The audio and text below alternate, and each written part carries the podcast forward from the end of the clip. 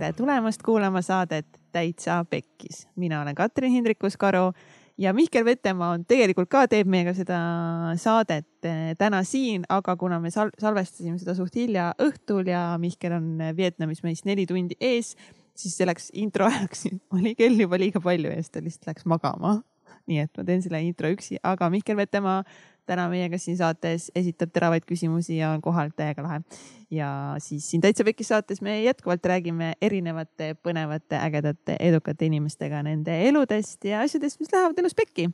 miks nad pekki lähevad, kuidas nad pekki lähevad ja siis kuidas sellest kõigest tulla võitjana välja.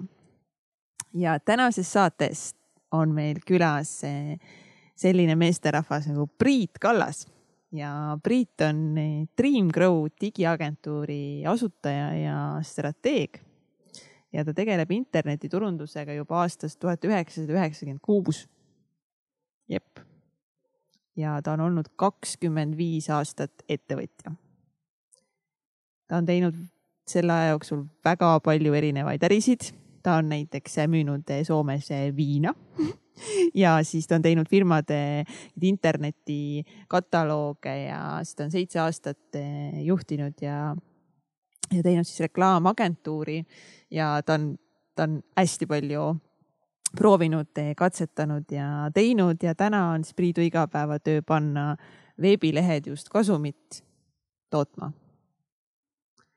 Ja ka lisaks siis praktilisele tööle klientidega ja oma ettevõtte ettevõtete turundamisel on Priit viimase viieteistkümne aasta jooksul koolitanud tuhandeid turundajaid. siis rohkem kui viiesaja koolituse, töötoa ja, ja konverentsi ettekandega. Priit on tegija ja kusjuures Priit on ka Äripäeva saatejuht ja ta teeb siis sellist saadet nagu digiturunduse praktikum. kuulake kõik ka Priidu saadet, see on väga põnev ja siis Priit on jooksnud järjest näiteks üle saja viie kilomeetri, sõitnud eh, suuskade ja lumelauaga rohkem kui, tähendab, täpselt ta ütles, et ta sõitis sada kuus kilomeetrit tunnis lumelauaga, mis on päris lahe. või noh, ohtlik ka. ja siis ta on kirjutanud igapäevaselt, kuhu siis eh, erinevaid artiklid, artikleid siis üle tuhande päeva järjest. Ehk siis ta on tuhat pluss päeva kirjutanud iga päev. Ja nüüd ta on vist ka mingi üle kuuekümne päeva juba iga päev mediteerinud ja talle üldse meeldivad igasugused erinevad väljakutsed. Ja eriti just sellises vallas, kus neid asju saab nagu testida. Priit on hästi suur testija ja, ja tal on alati vaja, et kõik oleks hästi teaduspõhine ja, ja et sellel oleksid nagu kindlad tulemused ja meil oli Priiduga väga-väga-väga põnev vestlus ja ma loodan, et see saade meeldib sulle täiega ja see inspireerib sind eh, veel rohkem eh, tegutsema oma unistuste nimel ja isegi kui on eh, rasked ajad, siis kõik siin elus möödub.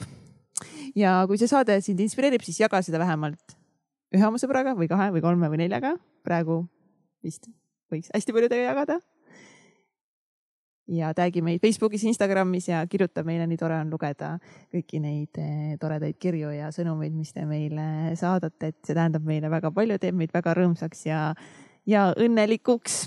ja siis, kui eh, sa tahad veel meid toetada, peale selle, et sa saad meid lihtsalt jagada oma sõpradega, jagada oma sõpradega, davai e,, siis patreon.com kaldkriips täitsa pekkis saab sinna ka enda panused teele panna et me saaksime teha enda stuudio ning kui sa kuulad tänast saadet ja sa kuulad nagu, et mis nendel tüüpidel nagu selle heliga nüüd juhtus, nad olid varem nagu nii normaalsed helivennad, neil oli nii, nii kvaliteetne heli lihtsalt, et nagu kõik oli lihtsalt mm, nii selge.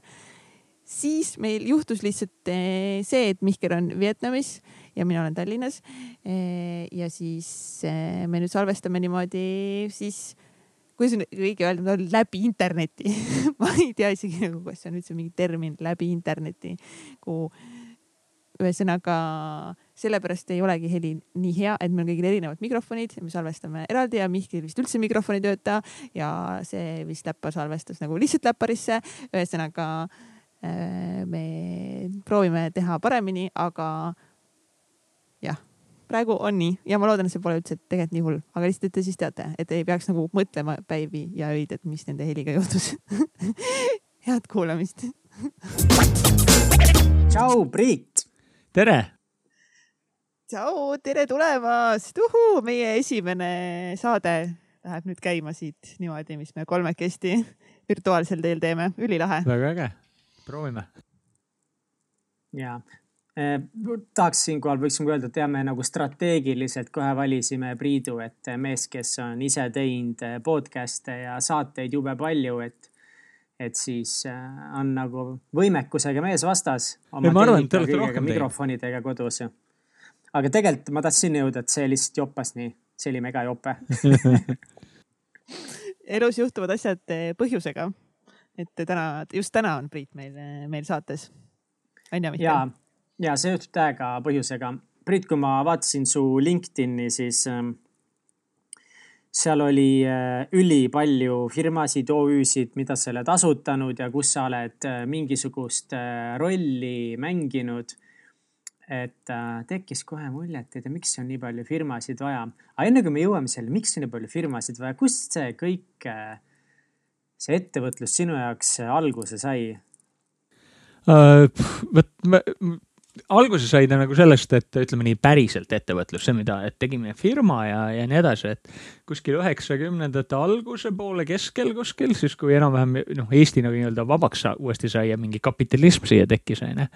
et eh, siis me käisin, ma käisin noh, mingi mõnes töökohas tööl ja siis mingi hetk täiesti kuidagi iseeneslikult äh, sõpradega tekkis meil mõte, et teeks firma või hakkaks tegema mingit projekti ja, ja selles mõttes, et äh, ütleme mingi, mingit olulist mingit läbimõtlemist või et kuidas see käima peab või midagi mingit ka, samas ka mingit põdemist, onju. et oo oh,, mis nüüd saab, kuidas me seda tegema peame, seda nagu ei olnud. äriplaani ei olnud, mitte midagi ei olnud, et selles suhtes lihtsalt oli, teeks Super. mingit asja ja äge. super, ma tean küll, miks sul võib-olla oli sihuke õige mindset tegelikult selle jaoks, sest äh, ma, mul on siseinfot, et sa oled ettevõtlusega ühel või teisel vormil kokku puutunud ka enne täisealiseks saamist. kus sa üldse elus esimest korda nägid nagu mingis vormis sellist ettevõtlikku käitumist? No selles mõttes, et kui ma ellu astusin või ütleme siis, kui ma laps olin, eks ole, siis oli Nõukogude Liit ja siis nagu väga ettevõtlust ei tehtud või ütleme siis nii, et kõik, mida te, noh, nii-öelda suuremas kaliibris ettevõtluseks nimetati, nimetati spekulantideks. Ja spekulantidega vastu olid lausa mingid seaduse paragrahvid, mis ütlesid, et sa ei tohi seda teha ja, ja siis noh, inimesed ikka tegid, aga selles mõttes ega see, et riigikord on kahtlane, ei tähenda seda, et inimestel oleks mingi ettevõtmistahe ära kadunud. ja, ja noh, mõnedel õnnestus oma end nagu rakendada, noh, ega ju tollal olid ju ka ettevõtted, et noh, nad olid siis nende ettevõtete juhid, mõned tegid mingeid ägedaid asju isegi seal, aga, aga niisugune tavaline inimene oli ikkagi nagu mingi ettevõtte töötaja, eks ole ja, ja siis äh, selline väikeettevõtlus, see praktiliselt puudus, onju. ja, ja siis oligi nii, et inimesed tegid mingeid tegevusi ise, näiteks mul äh, ema tegi sellist asja, et äh, trükkis pilte T-särkidele, eks ole. ja, ja kuna tollal ei olnud eriti noh, kõik riided ja asjad olid hästi siuksed noh, bland on ju, niisugune nagu, nagu igavad ja, ja ilma piltideta, siis nemad võtsid neid valgeid või värvilisi T-särke ja trükkisid sinna igast stuff'i peale ja siis müüsid seda. mis tehniliselt võttes oli noh, mingi paragrahvi alla see tegevus läks ühesõnaga, et. mis stuff'i nad sinna peale panid? Ei no väga erinevaid, et noh, kuna palju oli niimoodi lastele müümist, siis olid Mickey ja Donald ja mingid sellised äh,, ühesõnaga kõik puhas mingi äh, jõhker copyright infringement onju. aga et, et siis oli ka näiteks mul oli Adi logoga suur särk ja siis mul oli no igasugused, ühesõnaga, mis nagu cool oli. ehk siis noh, nemad ju ka vaatasid, mis, mis inimes-, mis särgid inimestele meeldivad. ei saa öelda, et nad mingit olulist turu-uuringut tegid, aga vaatasid, et oh, teeks seda ja teeks seda ja või kuskilt telekast nägi, et mingil tegelasel on mingi sihuke särk seljas, no teeme selle ise siis ja nii edasi, eks ole. nii tore, et sa oma ema niimoodi just praegu siin auku sisse rääkisid, tegelikult see oli mu kaval plaan. super, nüüd me saame sult raha välja nõuda, et seda asja mitte laivi panna. aga mm, kas, kas, kuidas nad seda siis nagu müüsid, ma olen näinud ka mingeid filme nõukaajast, üks pullfilm oli mingi kolmest tüübist, kes lõpuks põgenesid kuskile Soome või Rootsi, ma ei teagi. Nemad müüsid mingi laada pagassist kõrvaltänavas Äh, seal, no ütleme niimoodi, et ega see oli mul ema ja tädi, nad tegid seda küllaltki nagu ikkagi noh, väikses skaalas, et see ei olnud nagu noh, selles valguses ta oli nagu side business, eks ole. ja, ja nad tegelikult käisid mõlemad tööl ja tegi ja töökoha ja tuttavate kaudu müüsid, eks ole. et noh, kuule, mul oleks seda vaja, mul laps on nii suur, tee mulle selline või noh, mehel oleks sellist asja vaja ja tee selline, et ta oli noh, ikkagi isegi mitte nii, et noh, et mindi kuhugi müüma ja oli mingi ladu ja midagi taolist. suhteliselt suuresti kindlasti tehti nagu ikkagi selle järgi, et, et keegi küsis mingeid asju, noh, mida teati, et nagunii tahetakse, tehti ette valmis, eks ole, ja, ja nii see käis, et kas sul oli endal ka juba mingi roll selles ettevõtmises? Äh, no selles mõttes, et tegemist oli CD-trükiga, see mingi ei ole väga keeruline tegevus, et, et ma olin noh, tol ajal võib-olla mingi kümne, kaheteist paiku kuskil vanuselt onju, et, et ma seal väga midagi ei asjatanud, aga aga mingi aeg ma lihtsalt endale hakkasin tegema mingeid särke, kuna need, need värvid ja asjad olid olemas, eks ole, siis, äh, siis ma tegin noh, iseendale mingeid öö, äh, oma arust tol hetkel ägedaid äh, särke ja värke sellega. mis valdavalt olid siis mingid metal-bändide logod ja mingid siuksed asjad, et aga mis oli sinu esimene siis noorena nii-öelda ettevõtluskogemus, millega sa alustasid? no see läheb jälle sinna metal-bändide valdkonda, et kunagi oli Tallinnas selline asi nagu Plaadimägi, see oli siis Harju mägi. ja Harjumäel oli siis nii, et äh, iga pühapäev kell kaksteist läksid inimesed sinna ja sul oli siis LP, see tähendab, sul oli see, see nagu, mis tänapäeval jälle popiks on saanud, onju. see oli plaat kaenlas. oota, mis asi? LP, long playing, noh, vinüülplaat, jah. ja Aa. siis äh, long play on see, see LP tähendab seda. Anyway, sul oli see plaat kaenlas, onju, sul oli oma plaat ja siis sa nägid, et mingil tüübil oli mingi teine plaat. siis sa läksid tema juurde, ütlesid, et kuule, mul on see plaat, kas sa seda plaati tahad, anna mulle oma plaat. siis sa vahetasid need plaadid ära, onju nädala jooksul siis lindistasid, jagasid sõpradega, eks ole, siis kassettide peale lindistasid, heli kvaliteet oligi unbelievable kohutav. aga, aga siis äh, kui, kui muidu enamus siis tegidki nii, et nad siis vahetasid oma plaadi järgmine nädal tagasi ja kui üks plaat oli nagu kõikidega läbi äh, vahetatud, siis vahetati ta kuhugi oma tutvusringkonnast välja ja siis juba nagu igaveseks, eks ole, et said midagi uut vastu ja nii see käis. aga mida mina siis tegin koos ühe sõbraga oli see, et me ka pildistasime neid plaate, ehk siis me tegime plaatide kaanest pildid, me tegime tagumisest otsast pildid, siis noh, plaatidel on need vahelehed, kus olid mingid bändimehed peal ja igasugused värgid, eks ole. ja siis me tegime need pildid ja siis me tegime need pildid fotodeks ja müüsime koolis inimestele, kes tahtsid neid pilte saada ja, ja alguses me tegime samamoodi, et me tegime ette valmis mingeid portsu pilte, noh, mis endale tundusid ägedad ja üritasime neid müüa. aga noh, selge oli see, et meie maitse versus turumaitse võis olla sarnane, aga siiski erinev, eks ole. nii et meil jäi üks, üks koma teine materjali kätte nagu, et mida keegi ära ei tahtnud osta. ja, ja. aga oli huvi olemas oh, ja no,? ma, ma üldse ei mäleta, kui palju me sellega raha tegime, aga kindlasti mitte mingit rikku, aga no mingit taskuraha, arvestame sellega, et me olime tol ajal no mingi kolmteist, neliteist, võib-olla viisteist kuskil sealkandis onju ja siis, siis tekkis selline mõte, et me tegime nendest, nendest piltidest kõikidest sellised väiksed ikoonisuurused pildid, sellised, mis ta siis umbes on, kolm korda neli sentimeetrit, jah. Need me kliip, kleepisime siis äh, märkmikusse ja mär, kirjutasime numbrid juurde ja siis selle märkmiku saatsime koolis ringi käima, eks ole. et äh, inimesed siis kirjutasid paberile kataloog nagu. paberilehe peale selle numbri ja siis sinna numbri taha hakkas vaikselt kriipse tekkima, et palju neid nüüd tahavad, eks ole. või olid nimed, ma isegi enam ei, ei mäleta. no ja siis, kui see, see paber oli selle ringi ära teinud seal kooli peal, eks ole, siis me saime selle kätte, tegime, panime Pimikus äh, masina käima ja trükkisime või noh, tegime need pildid või fotod valmis. järgmine päev läksime, viisime kooli ära ja siis kasseerisime raha sisse, eks ole. et see oli nüüd jah. kas te olite et... tehtud mehed või? ei noh, ütleme nii, et äh, ma ise küll ei tajunud seda, ütleme niimoodi, aga et, et noh, pärast sai jäätist osta ja, ja elu oli lahe ja aeg-ajalt sai jälle uue plaadi osta ja, ja selles mõttes oli nagu okei okay.. et kindlasti ei olnud nagu tegemist, ma tean, et sellest oleks saanud põhimõtteliselt teha ka tegelikult suurema äri.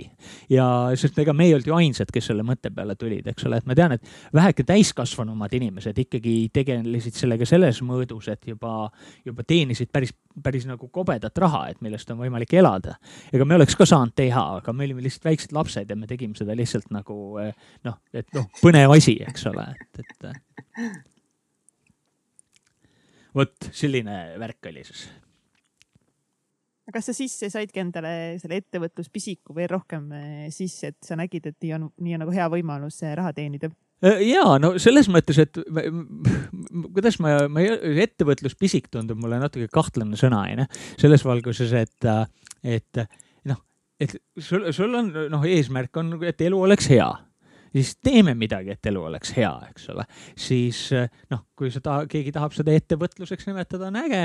minu poolest, kui seda, sulle meeldib kellegi juures tööl käia ja sa saad nagu asju seal niimoodi tehtud, et noh, siis äge et noh, idee poolest ju töötaja võib ennast vaadata ka kui inimene, kes müüb kogu oma olemasoleva tööaja maha teatavatel tingimustel kellelegi, eks ole, et, et noh aga jaa, et selles mõttes, et mõtled mingeid asju välja, mis on lahedad, vaatad, mõnikord tuleb raha ka koju, siis on, siis on nagu lahe ja äge. kas oli mõni asi veel, mis sa tegid enne täiskasvanuks saamist, mingi huvitav, kummaline ettevõtlus, ostu-müügi värk? no ütleme, ta mingi kaheksakümnendate lõpus, ütleme siis, kui Venemaal hakkas pihta selline asi või noh, Nõukogude Liidus siis hakkas pihta selline asi nagu hüperinflatsioon, siis inimesed tahtsid vahetada hirmsasti oma raha mingisse rahasse, mis ei infleeru nii kiiresti, kui, kui äh, see rubla inflatsioonis oli, eks ole. ja siis vahetas, inimesed ostsid endale äh, valuutat noh, valdavalt nagu Soome marka, kuna Soome oli meil siinsamas kõrval, eks ole, aga siis ka temmi ja dollarit ja, ja niimoodi ja, ja siis oligi nagu see, et eh, see noh, tehniliselt võttes see oli ikka juba nagu ka kuritegu, kuritegu, et kui sa valuutaga äritsesid, see oli ikka mingi, mingi suurema paragrahviga asi, eks ole. aga siis mõnedel inimestel oli eh, võimalus kuskilt saada neid valuutasid, onju, ja mingitel inimestel oli tahtmine saada neid valuutasid omale rublade eest, eks ole. ja minul juhtus olema selline juhuslikult täitsa koba peale kuskilt mingi selline positsioon, et äh, ma teadsin mingeid inimesi, kes said rubla või neid valuutat, eks ole, ja, ja noh, neid, kes tahtsid, neid oli, neid oli, eks ole. ja siis, siis oligi, et ma võtsin kellegi, kes sain valuutat ja müüsin selle edasi. ja, ja see, see oli, see, siis juba tuli raha nagu päris hästi sisse selles mõttes, et äh, jälle sa olid alaealine? Äh, no ma olin mingi, ütleme, kuusteist kuni seitseteist, kaheksateist kuskil sealkandis võib-olla, et, et äh, no sa oled ikkagi normaalne ärikas ikka. kas sa miilitsale vahele käid millegiga? kusjuures äh, äh, sellega, ühesõnaga äri tegemisega selles mõttes mitte, et et äh, ega nagu järjekordselt, et kuigi tol, noh, see ütleme, see valuuta business oli juba selles kaliibris, et see oli juba päris suur äh,. nagu mitte, mitte noh, niisugune ühele lapsele hea sissetulek, onju. aga siis, et noh me ei teinud, kuna see kaliiber ei olnud suur, siis ega see kedagi ei huvitanud, eks ole, et, et meid keegi vangi tahaks nüüd väga panna, eks ole. ja, ja siis, äh, aga jah, selles mõttes, et raha sel hetkel oli päris nagu noh, niimoodi, et see ei olnud probleem, eks ole.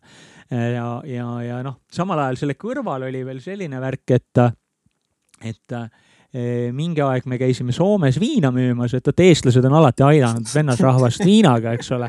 esimese, esimese vabariigi ajal olid ju terved rannarahvas sai kõik rikkaks läbi selle, et Soomes oli mingi viinamüügiga ilgi jama, onju, ja siis eestlased vedasid paatidega viina Soome, eks ole. noh, ma siis tegin sedasama nagu mingi, mis ta võis olla, ütleme seal kaheksakümmend seitse, kaheksakümmend kaheksa, võib-olla kuskil üheksakümnendani välja, et, et ja noh, point oli ikkagi selles, et sa ostsid Eestis pudeli viina mingi, äkki ma kuskilt mingi number ei olnud meelde jäänud nagu viiskümmend, viiskümmend kuus rubla äkki. Ja see viiskümmend kuus rubla oli oma olemuselt, ütleme umbes nii palju nagu äh, ma mõtlen kohe kähku välja tükk, tükk, tükk, tükk, tükk, ütleme kuskil äh, no kuus marka nagu Soome marka. ja kui sa sellega nüüd selle pudeli läksid sinna, läksid Helsingi kesklinna ja tänava peal käest müüsid selle mingitele tüüpidele maha saja margaga, eks ole, siis oli see tootlus oli nagu tore, ütleme nii, eks ole, et, et. oota, aga Priit, räägi nagu, mis ma selle margaga teha saan, sama hästi see oleks võinud olla mingi viisteist tuhat jing-jangi ja see ei ütleks mulle mitte midagi uh,. No, nagu, kui sa tuled saja margaga Eestisse tagasi, mis sa teed saja margaga uh,, mis sa tegid sel ajal? no ütleme niimoodi, et uh, ma nüüd, ma siin võin jumala kõvasti puusse panna numbritega, ma ei mäleta neid lihtsalt, aga ütleme niimoodi, et uh, et, et, et äh, võib-olla inimeste sissetulek võis olla tol ajal kuskil viissada rubla, ju, kuussada rubla, ütleme tuhat, ütleme viiesaja ja tuhande rubla vahel, mis oli siis kuu sissetulek ja see oli, ütleme suurusjärgus siis ütleme viiskümmend kuni võib-olla sada marka nii et kui ma läksin, müüsin ühe pudeli viina Jesus maha, onju, siis ma sain mingi niisuguse, no ütleme, kas just keskmise, aga siukse kuupalga, onju, et, et ja siis kuna, kuna me viisime seda põhimõtteliselt seaduslikult, onju. meie ainuke probleem seaduslikkuses oli see, et sa võisid viia Soome viis pudelit viina, onju et see oli lubatud, aga meie probleem oli selles, et me olime alaealised, me ei tohtinud ühtegi pudelit viia. aga me no, te, ütleme niimoodi, et äh, saime need sinna kohale, et selles mõttes, et kui sa võtad selle pooleliitrine viinapudel, see, mis see sada marka maksis, eks ole, siis neid saab väga mugavalt väike laps endale panna äh, viis tükki vöö vahele, nii et midagi välja ei paista, onju. ja, ja siis noh, jälle. super, super. et noh, samamoodi, et ega see äri ei olnud mingi suur äri, et me käisime seal võib-olla, võib-olla noh, mingi viis-kuus korda aastas heal juhul võib-olla või midagi taolist, eks ole. et, et see ei olnud nagu mingi püsiv äri. aga see iseenesest oli ka muidugi äge, kuidas sinna sai, vaata selle Nõukogude Liidult väljasaamine tol ajal oli ikkagi veits keerukas, eks ole. ja siis äh, selleks oli, tol ajal oli tekkinud üks nagu päris äri, mille nimi oli ES Music Team ja nad tegid kontsertreise Soome ja siis see kontsertreis nägi välja siis selline, et sa said läbi nende ostsid pileti, noh näiteks ma ei tea, mingi Sting või whatever, mis see kontsert oli, eks ole. ja siis, äh, kui sa läksid äh, ühesõnaga ostsid selle pileti ära, siis nad ajasid sulle kõik selle väljasõiduloa ja viisa ja kõik oli kompu nagu, eks ole. siis sa ostsid ka selle laevapileti ja, ja siis sa said Soome. aga kuna see pilet ju, see maksis nii jõhkralt palju, et ega me sinna kontserdile läinud. siis, kui me olime oma viinad maha müünud, siis me müüsime ka pileti maha, eks ole. et siis sellepärast, et see oli lihtsalt meetod saada Soome, mitte et me sinna kontserdile. ei noh, võib-olla me oleks mõnel kontserdil ka käinud, eks ole, aga lihtsalt äh, see tol hetkel ei olnud nagu eelarvesse ei sobinud see hästi mm.. see annab ähm, päris hea pildi ikkagi ette missugune tüüp Priit sa oled, et väga lahe, see on päris, kõlab nagu pull, aga lähme ajas edasi ja et tegelikult me nagu mõtlesime ise Katsiga, et huvitav oleks ka nagu puudutada just natukese lühidalt sinu seda esimest nii-öelda päris ettevõtmist, kui sa olid täisealine, nii, aga sa enne mainisid korra, et et sa käisid baaril palgatööl ka ja päris paljud nagu, või no ma ei tea, kas paljud, aga paar saatekülalist on küll öelnud, et, et noorena see mingi esimene, teine, kolmas töökoht oli see, mis andis selle mõtte, et okei okay,, ma ei taha kunagi palgatööl käia. lühidalt, et kuidas sinu kogemus palgatööga oli? No ütleme niimoodi, et mul mingit otsest või noh, ütleme vähemalt tol ajal mingit otsest vastumeelsust ei, ei ole tekkinud. mul pigem tekkis see mõte, et palgatöö noh, minu jaoks ei ole päris see, mida noh, mulle ei tundu see mõistlik, äh, tekkis hiljem.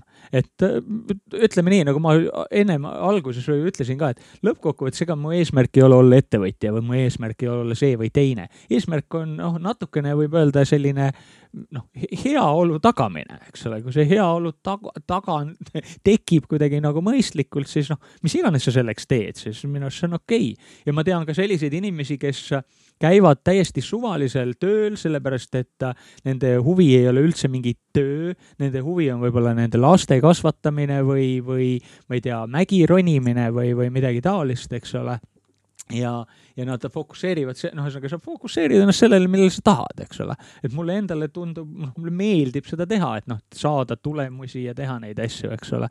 et selles valguses on nagu hea, et ta on ühest, ühest otsast noh, töö, aga teisest otsast ikkagi äh, nagu hobi ka, et, et ma ei tee seda nagu vastumeelselt, eks ole aga see küsimus oli, et, et mis selle esi-, oli esimene ah,, esimesed töökohad, jah.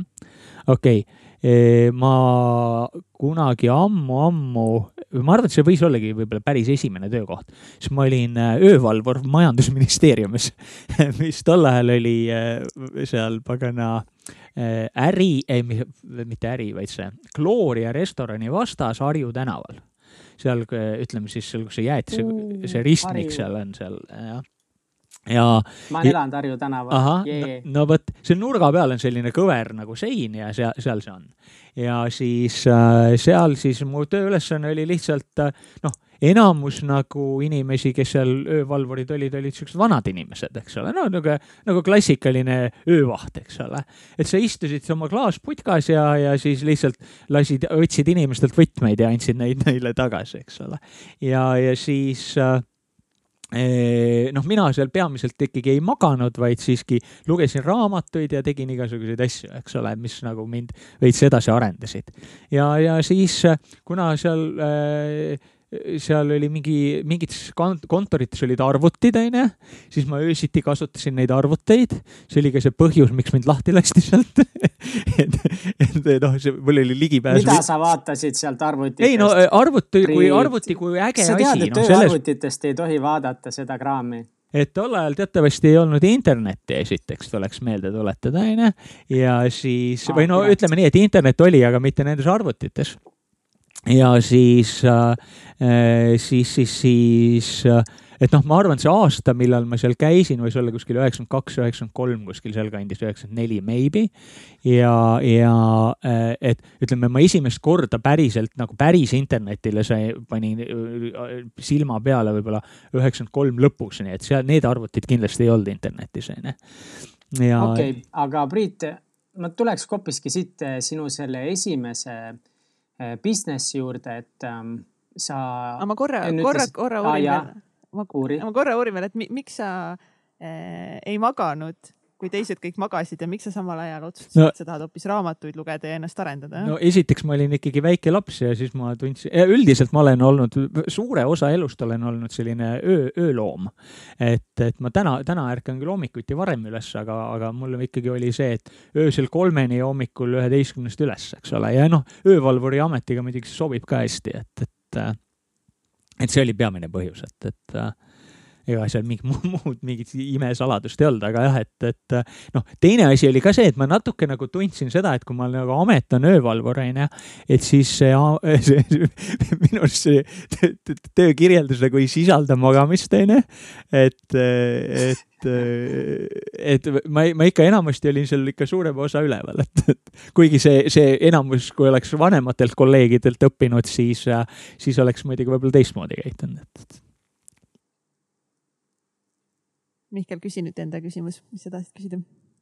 Eh, mina tahtsin küsida, eh, mina tahtsin väga peenelt eh, viia sinnamaani, et mm, sa alustasid täiskasvanuna seda esimest business'it ja kui me eelmine kord rääkisime, enne kui sa mainisid nagu, et ega sa väga ei teadnud midagi ja väga ei põdenud ka midagi, hakkasite nagu kuidagi suvaliselt käima, et ma tean, et täna on nagu palju inimesi, kellel võib-olla ei ole nagu näinud sihukest ettevõtlikku käitumist ja võimaluste otsimist nii palju ja mõnikord tundub ettevõtte alustamine väga nagu hirmuäratav ja keeruline, et kuidas sinu jaoks see nii-öelda selle päris ettevõtte alustamine läks ja mis olid mingisugused takistused või väljakutsed, millega sa pidid ikkagi vastamisi seisma? no äh,, no point oli siis äh, äh ma ütlen uuesti, köhimise võtaks välja pärast. nii, point oli siis peamiselt selles, et. äh, et äh, mul on üks sõber, kellega me koos käisime ülikoolis tol hetkel ja noh, juba lapsest saati olime tuttavad ja me olime, äh, ütleme, päris pikalt tegelenud mingite arvutiasjadega. ja noh, arvutiga mängime, no mitte mängimine nagu arvutimängu mängimine, aga ka programmeerimine, igasugune arvutiga äh, interaktsioonis olemine oli meile põnev asi, onju. ja, ja siis hakkas tulema see internet ja siis üheksakümne viiendal aastal oli see, kui hakkas nii-öelda see pildiga internet nagu päriselt tekkima, eks ole. enne seda oli niimoodi, et olid äh, mustad ekraanid ja rohelised täpid peal nagu Matrixi äh, nendes klippides, eks ole. et äh, et äh, aga siis meil tekkis mõte, et nüüd võiks teha internetiäri. noh, meil tekkis see mõte umbes siis, kui see internet nii-öelda esimest korda nagu pead tõstis ja plaan A oli teha interneti kataloog, firmade interneti kataloog, noh, tehniliselt võttes nagu mingi kontakt või üks, üks, kaheksa, kaheksa või midagi taolist, eks ole. ja siis me mõtlesime, et teeme sellise firma ja siis müüme inimestele võimalust olla internetis mis oli iseenesest nagu päris hea plaan, aga see nõrk koht oli seal see, et enamus inimesi ei saanud aru, mis on internet. ja, ja siis ja nad ei saanud ka aru, miks nad seal olema peaksid ja siis no hämmastaval kombel meil ikkagi õnnestus ka müüa natukene, me müüsime, meil oli müügimehed ja me ise ka müüsime ennast siis nii-öelda, et selles kataloogis olemist siis mingi raha eest klientidele. aga noh, üldjoontes ega me nagu, nii nagu me alustasime selle äriga, et ega me noh, miks me ei kartnud midagi, sellepärast me ei osanudki midagi karta, et noh, meil ei olnud nagu meil null arusaamist mitte millestki.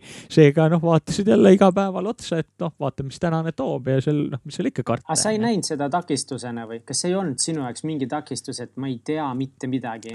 vaata mina äh, tol ajal nagu ikkagi oli see, et kui me nüüd internetist räägime, siis äh, ega tegelikult ei olnud ju kedagi, kes meist rohkem internetist teaks, eks ole.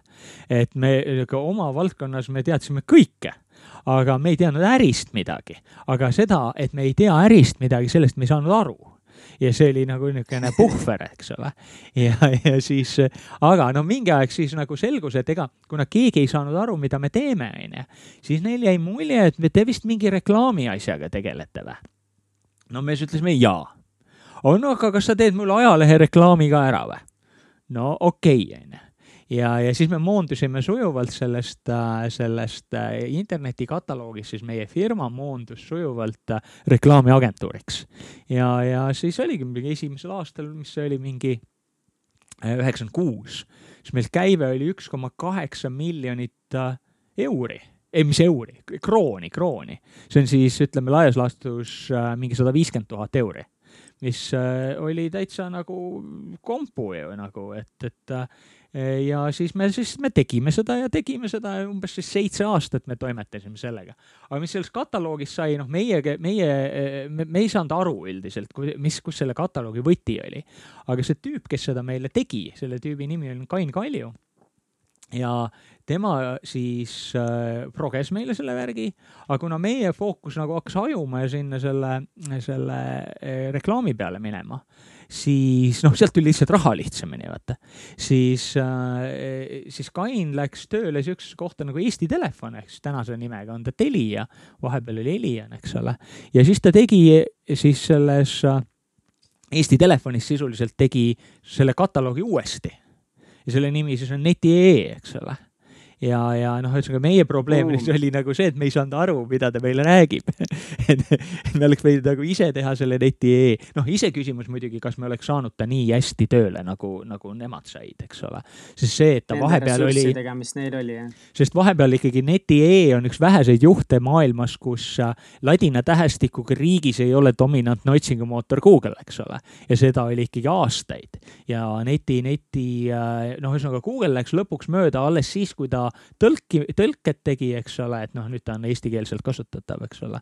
aga et äh, Google'i, Google oli aastaid nagu mitte dominantne, eks ole ja, ja see on väga-väga suurepärane saavutus, et äh, pole palju riike, kus see nii oleks juhtunud. Kats, kas sa tahad esimese businessi kohta midagi küsida? ja et millised, kui sa ütlesid, et te tegite mingi seitse aastat seda esimest reklaamiagentuuri, et millised olid, mis sa õppisid selle aja jooksul äh, kõige rohkem? No ütleme seda, et, et noh, müük et kui sul raha, raha ei tule, siis, siis on ilge jama sellega. ja, ja muidugi noh, kuna ma olen väga-väga-väga pikalt või noh, ma ei tea, kas on kakskümmend viis aastat olnud turunduses, eks ole, siis jah, selle reklaami, reklaamiäri ajal esimeses agentuuris, seal said aru ikkagi seda, et noh, nagu praegu, kui kriis on, onju, siis nagu no, peaaegu number üks koht, kust raha ära võetakse, on turundus, onju. nii et see, see on väga-väga-väga volatiilne business, onju, et, et äh, oh, paneme reklaamid seisma oh, kuule, näed, ei juhtunudki midagi, eks ole, ja, ja siis see, sealt võetakse hästi-hästi kiiresti raha ära, et kui mingid jamad ventikesse lähevad, et et õppisid ühesõnaga seda, et sa oled äris mis esimesena kukub, kui maailmas on halvad ajad. ja, ja no teine asi ka see, et, et noh, et noh, müük on ikka everything, eks ole, et, et kui raha ei tule, siis on tegevus mõttetu, et, et äh, selles mõttes sa võid küll rääkida, ma saan aru, et brändil on tähtsust ja nii edasi, eks ole. kui me räägime Nike'ist ja Fordist, onju, aga kui me räägime mingitest väiksest äh, ettevõttest, mis Eestis ettevõtetest kõik on väiksed, onju, siis äh, noh, kõik, okei okay,, võtame siin pangad ja, ja telekomid on natuke suuremad, aga et kui sa oled ikkagi sihuke kümne, kümne töötajaga firma, siis bränding on ainult see, kui hästi sa olemasolevaid kliente teenindad, onju. ja, ja noh, see on üks asi, kus ma praegu olen kogu aeg inimestega vaidlen selle üle, et kas Instagram on mõttekas koht või ei ole, onju nagu äh, puhtalt nii-öelda ettevõtte turundamise mõttes nagu äh, mitte, et ma ostan sealt reklaami, aga ma teen seal nii-öelda sotsmeediat, eks ole. et see, ma ikka, ikka olen väga-väga skeptiline, et see nagu toob tagasi selle aja, mis sa sinna paned, onju ja. aga kas sa ise õppisid siis müüki tegema? Äh, no jah, ütleme, et, nagu et ütleme jah, et müügi, müük ongi olnud üks minu nagu kõige raskem äh, nagu asi, et ma ikkagi väga nagu noh, ei julgenud öelda inimestele, et kuule, et näed, osta mult asju. ja, ja see on, ma noh, ühesõnaga ma olen tonnide kaupa igasuguseid müügiraamatuid lugenud ja, ja ka siis noh, ega muud moodi ju raha ei saa, kui sa ei müü, eks ole, nii et ilmselt ma, midagi on aeg-ajalt välja ka tulnud, onju aga et, et see oli väga noh, küllaltki piinarikas, eks ole. et noh, täna ma olen küllaltki noh, enesekindel selles kohas. aga see, see võttis nagu mingi paganat kakskümmend aastat aega, et sinna kohta jõuda, eks ole. ja, ja siis see, see siis ongi noh, ütleme see, et, et müük, müük, müük, et see on nagu kõige-kõige tähtsam siis, ühesõnaga ütleme, kui me ettevõtlusest räägime, eks ole siis äh, räägitakse pehmed väärtused ja sotsiaalne vastutus ja nii edasi. kui sul ikkagi kasumit ei ole, siis sa ei vastuta sotsiaalselt mitte midagi, sa vastutad sotsiaalselt võib-olla oma töötajate ees. kui sul ei ole kasumit, siis sa oled pankrotis ja siis sa just keerasid ilgelt käru oma töötajatele, onju, et, et, et lõppkokkuvõttes number üks on ikkagi müük ja kasum ja sa võid mida iganes selle kasumiga pärast teha, anda koerte varjupaigale või, või millele iganes, onju. aga niikaua kui sa ei teeni kasumit, nii kaua ei ole see ettevõtja. aga räägi veel sellest valust ikkagi müügi õppimist, et miks, miks müük oli sinu jaoks alguses raske, mis oli selle juures raske? kuidas sa suhestud sellega, sest ja miks ma seda küsin, on see ka, et ma arvan, et see on nagu üks koht, kus väga paljud inimesed nagu tunnevad ära ja võib-olla annab nagu julgustust kuulda, et, et teised inimesed ka, kelle jaoks kunagi müük oli raske, et nagu noh yeah., näed, nüüd enam võib-olla ei ole nii raske no minu jaoks oli, oli nagu peamiselt see, et tähendab üks asi, mis ma, mis mul, miks mul täna ta on lihtsam, onju. või no ikkagi jah, suhteliselt lihtne on see, et ma tol ajal äh, ma tundsin seda sellisel moel, et ma lähen nende käest raha küsima, eks. ma tundsin seda nagu ühepoolse asjana, et mina lähen, tulen sinu juurde, ütlen, kuule tüüp, anna mulle nüüd raha eks ole. ja ma, ja ma seda, seda enda poolt vastu pakutavat, see, et ta ju ei, tegelikult ei andnud mulle raha, vaid ta, ma, ta, ma andsin temale midagi, mille eest tema andis mulle raha. ja ma võib-olla isegi ei väärtustanud seda enda pakutavalt piisavalt palju, eks ole et äh, kui ma tulen ja ütlen mm., näed, mul on sul pagana koroonaviiruse vaktsiin, onju, siis äh,, siis on nagu jumala raudpolt kindel, et sa võib-olla tahaksid seda osta, eks ole. et ma isegi võib-olla, ma, ma ei pea isegi müüma, ma lihtsalt ütlen, et mul see on ja sa ütled, aga kuule, palju sa raha tahad, eks ole. et äh, seal on nagu see asi, et võimalik, et suur osa selles, selles pelgamises oli see, et ma ei tundnud, et noh, noh, saad aru, tundsid, tundsid natuke nagu fake, onju et, et noh, see, mida mina andsin, et nemad annavad mulle sularaha, aga mina annan neile mingit õhku vastu nagu, eks ole, et, et see, ma usun, et üks suuremaid osasid oli selle taga nagu, et. aga mida teha sellises olukorras, kui sa võib-olla natukese eh, pelgad eh, või kardad, et kas see, mida sa pakud, on sellel siis piisavalt väärtust või sa kuidagi ei tunne ennast kindlalt selles, et mida siis teha? Äh, võtad aega mingi kümme aastat ja siis, siis siis, siis tuleb enesekindlus, aga, aga no tegelikult on puhtalt ikkagi jah, see, et sa noh, selles mõttes mingit usku, et ma teen midagi, mis on midagi väärt, et sa, et kui ma sulle seda annan siis äh, ma päriselt usun, et sinu elu on pärast seda parem või noh, su ettevõte saab mingit tulemust läbi selle, kui sa business to business'it müüd, onju. et siis ma, ma ei küsi sinu käest raha, vaid ma annan sulle midagi, mida sul on vaja ja sa annad mulle lihtsalt selle eest raha vastu, onju. et see on nagu see minu arust nagu kõige-kõige selgem nagu selline noh, kuidas ma enda jaoks nagu seda ütlen, et ma ei müü sulle midagi, ma ütlen sulle, kuidas ma sind päriselt aidata saan, onju ja, ja kui sa arvad, et ma, et see ei aita sind, onju, siis on kaks võimalust, et kas, kas tegelikult ongi nii, et sul tegelikult sa tead, et aa, ma olen seda proovinud, mul seda ei ole vaja, onju. ja, ja siis mul ei ole väga nagu võib-olla mõtetki sulle müüa. ja teine võimalus on see, et lihtsalt ma ei suuda sulle selgeks teha, kuidas see, mis mul on, sind aitab, eks ole. et sellisel juhul on lihtsalt see, et sa pead aru saama, mis ostja peas toimub ja, ja loomulikult see, mis ta äris toimub eks ole. Et kui sa, kui sa müüd talle mingit noh, business või business'i puhul midagi, siis selle, selle asja mõte on see, et tema saab paremini oma äri ajada ja ta saab paremini kasumit teenida, eks ole. ja kui mina näen seda pilti, kuidas minu töö aitab seda saavutada ja ka tema ei näe, siis alati on viga selles, kes räägib eks ole, et mm., et kui ma ei suuda sulle seda selgeks teha, no võtame niisuguse hästi hüpoteetilise olukorra, et tõesti see, mida mul on sulle pakkuda, tõesti lahendab su probleemi, aga sa ei osta mult sellepärast, et A sa ei usu või B sa ei saa aru, eks ole. siis ilmselgelt on probleem, et ma pean leidma selle õige sõnastuse või väljendusviisi, kuidas sulle see point kohale viia, eks ole et, et ja loomulikult elus ei ole asjad nii mustvalged, et see on nüüd absoluutne tõde alati, eks ole. ja teiseks on meil ka konkurendid, eks ole oo aga näe, tema, tema müüb odavamalt, eks ole. siis mm -hmm, kui keegi mm -hmm. müüb odavamalt, siis see tähendab kahte asja. et A, et nad on, oletame, et nad müüvad täpselt samat asja odavamalt. siis äh, kui see päriselt on nii, siis neil on äriprotsessid paremad kui sul.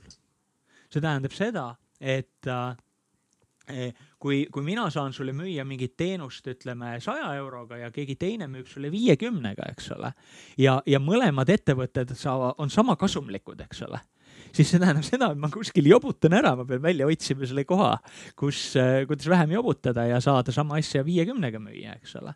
ja, ja seal on nüüd see, kuigi ma alati viskan nalja brändingu üle, siis see on ka see koht, eks ole, et, et äh, bränding annab mulle selle võimaluse, et mina, Priit, võin sulle müüa mingit asja saja euroga ja kui keegi teine tuleb pakkuma, siis ta saab sult võib-olla seitsekümmend, sest sa natuke kahtlustad, et kas see on ikka päris sama hea kui see, mida Priit pakub, eks ole.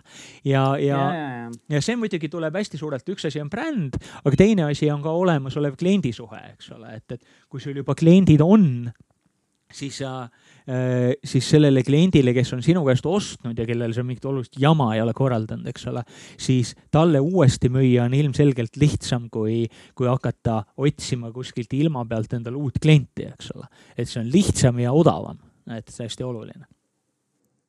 Kas oli veel mingeid väljakutseid peale selle müügi selle seitsme aasta jooksul, kui te seda reklaamiagentuuri tegite? no ettevõtluses üld, üldiselt ikkagi üks, noh, üks asi on see müük loomulikult, et raha koju tuua, eks ole, aga teine pool on kindlasti ka see, noh, e, töötajate ja noh, ütleme meeskonnaga hakkama saamine selles suhtes, et see on ka üks põhjus, et täna ma olen suhteliselt nagu selline äh, noh, mu ettevõte tegutseb selles mõttes täitsa üksi, et ma olen ainuke töötaja, onju, ja igal pool, kus mul, mul, mul on vaja äh, veebiarendusdisaini, mingeid tegevusi, eks ole, siis seal ma kasutan välistööjõudu, et ma ostan selle töö sisse, eks ole et äh, äh, vanasti oli lihtsalt see, et mul oli arendaja palgal ja mul oli veebdisainer palgal ja nii edasi, eks ole.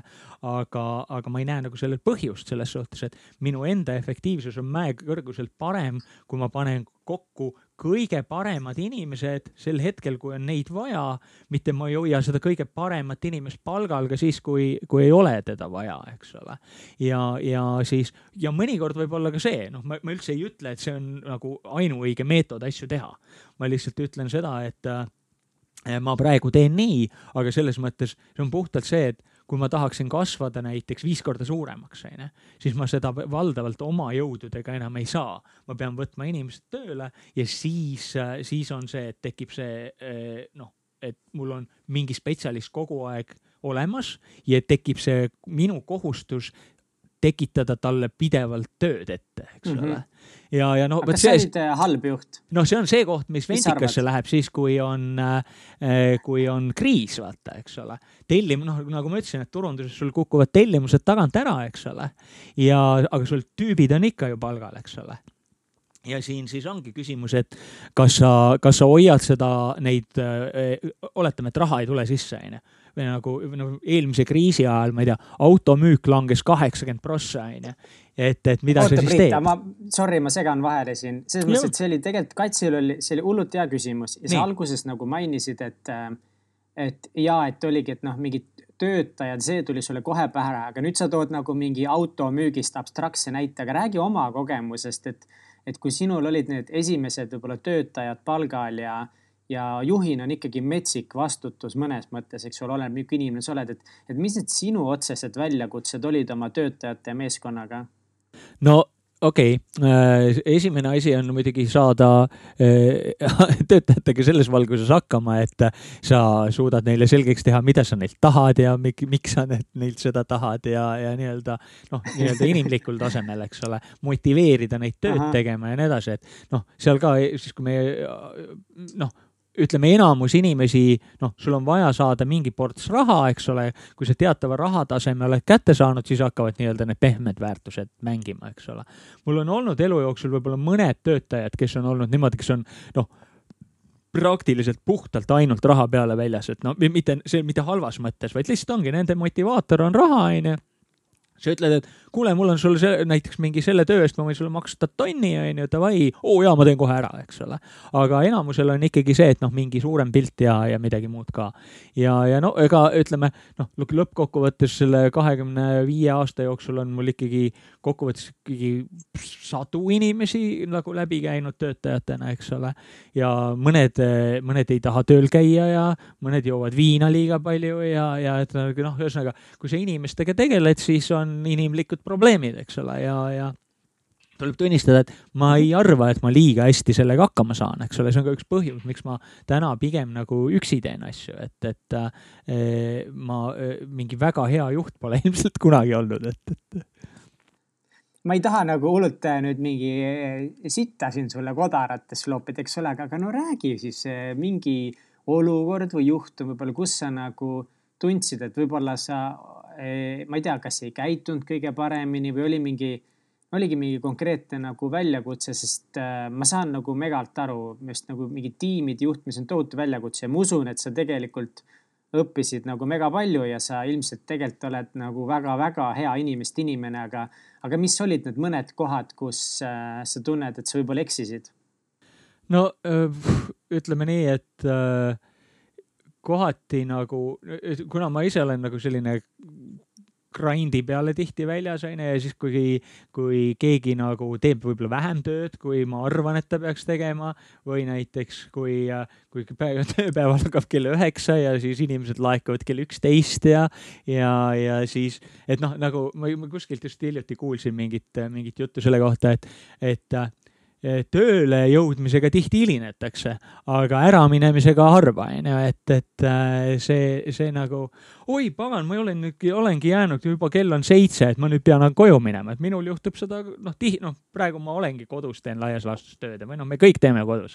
aga et, et see, et ma vaatan, oh my god, kell on, hakkab üheksa saama ja nüüd vist võiks tänaseks otsa kokku tõmmata, onju, siis äh, noh, vot, vot see on see koht, et kui, kui teisel inimesel on niimoodi, et kell, kell neli viiskümmend viis on ju, hakkab oma mingeid kotti pakkima ja, ja kodu poole minema, eks ole, siis noh, see tekitab natuke stressi ja, ja noh, mõnikord võib-olla natuke käreda inimesena eh, siis eh, on nagu häält tõstetud selle peale ja nii edasi, et, et ma loodan, et täna olen veits stabiilsema psüühikaga, aga eks, eks mõnikord on käratatud ka, jah ei, see on arusaadav tõesti ah,. Sorry, ja Kats, ütle.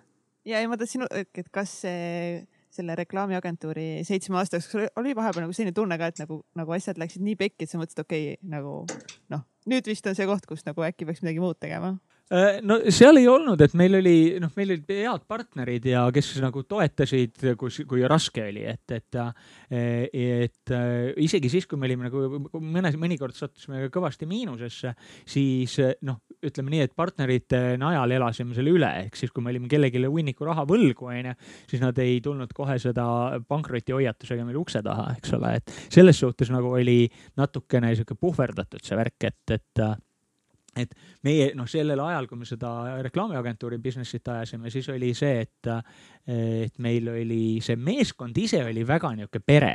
et me omavahel tegelikult saime, kuigi me jah, üksteise peale karjusime ja tegime nii edasi, aga me käisime noh, ütleme praktiliselt iga, iga, iga äh, noh, igasugused firma üritused, iga noh, nädalavahetusi veetsime koos, et me olime nagu sõbrad ka, eks ole, kuigi siis mõned olid omanikud ja mõned olid töötajad, eks ole.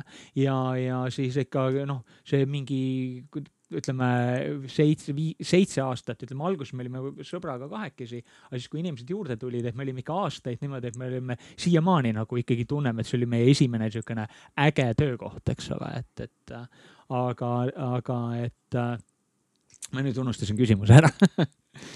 Aga kas need, kui vahepeal oligi nagu pekkis see, et olid nagu miinused ja, ja, ja nagu, kas ei olnud siis sihukest tunnet, et nagu, et okei okay,, et aga, et nagu noh, mis asja, et nagu. aga. viskame selle nüüd varna ja. vot selles suhtes ei olnud jah, et ütleme niimoodi, et pigem oli selline tunne, et peab ära tegema. et, et noh et noh, mina ju noh, see minu töö nagu selles mõttes, et tol ajal ta ikka noh, oligi nagu töö ja siis, kui on ikka asi on jama, siis noh noh, sa pead midagi tegema, võib-olla sa ei oska midagi teha, aga, aga noh, üldiselt on vaja nagu, äh, et ühesõnaga oli nagu mõnevõrra niisugune, nagu tundsid, et on kohustus seda ära teha. siis oli noh, see tekitas selles valguses stressi, et kui sa siis nagu ei julgenud, ei osanud, ei saanud aru, ei küsi ka veel kellegi käest, eks ole, siis, äh, siis noh, mõnevõrra võis see olla selline noh, raske. aga noh, tol ajal jälle me ikkagi oma töökaaslastega jälle õhtuti läksid kõrtsi, võtsid viina, see oli päris niisugune raju, raju party elu onju. ja, ja siis või siis oli ka see, et kui tööpäev lõppes, noh, ütleme seal mingi pärast viite seal, eks ole, siis me panime kontoris võrgu tuumi mängima ja mängisime mingit võrgu Need for Speed'i või midagi taolist, et, et ja, ja sellele ühesõnaga meil meelelahutus, no ühesõnaga me väga-väga suures osas käisime koos läbi, et, et, et see, see, selle, selle reklaamiagentuuri äri puhul seal oli, see oli hästi-hästi sihuke kompaktne ja niisugune Äh, kõik, kõik said ikkagi küllaltki hästi läbi omavahel et kui teil seal oli nagu raske, et siis teil oli ikkagi nagu üheskoos raske, aga mul on nagu tunneb, et sa nagu ei taha natukese välja öelda seda, et jah, et nagu mõni asi oligi väga raske. Ja ma olen seda meie nagu saadetes enne ka tundnud, et äh, mõned saatekülalised, et just need kuidagi nendest mingitest raskutest emotsionaalsetest äh, väljakutsetest, mis tuli ületada, sellest, seda ei kuidagi taheta nagu otse puudutada, et kuidagi väga kaudselt ja, aga ma nagu mõtlen, et mulle ikkagi tundub, et see võis olla ju ikkagi päris raske mingi hetk, kui sa, nagu sa ütlesid, see on kohustus, sina oled ikkagi boss, sina tahad võib-olla kõige rohkem, et asi õnnestuks, et tihtipeale ma olen kuulnud, et ettevõtjad nagu tihti tunnevad, et nemad ikkagi tahavad kõige rohkem, keegi ei taha kunagi nii palju, kui tema tahab on ju, vahepeal on võlad, et kas ei olnud mingit emotsionaalset sellist nagu stressi, mida sa tegelikult nagu pidid endale tunnistama, et fuck, et nagu sitaks raske on äh, või kuidagi läks mööda lebolt? ma arvan, et jah, tähendab, selles mõttes ma ei, ei püüa kuidagi varjata midagi, aga mulle, mul on tunne, võib-olla ma lihtsalt, võib-olla ma siukene tuule, et ma ei saanud aru, et see mingi raske, et või noh, et no, elu nagu elu ikka onju. noh, mingi stoikud ütlevad see või stoikute kohta öeldakse seda, et, et nad nagu ei, ei äh, kuidas ma ütlen, nad ei reageeri millegile nagu, nagu lehm vihmas onju. et noh, ta seisab ja mälub oma toitu seal ja nii edasi, eks ole.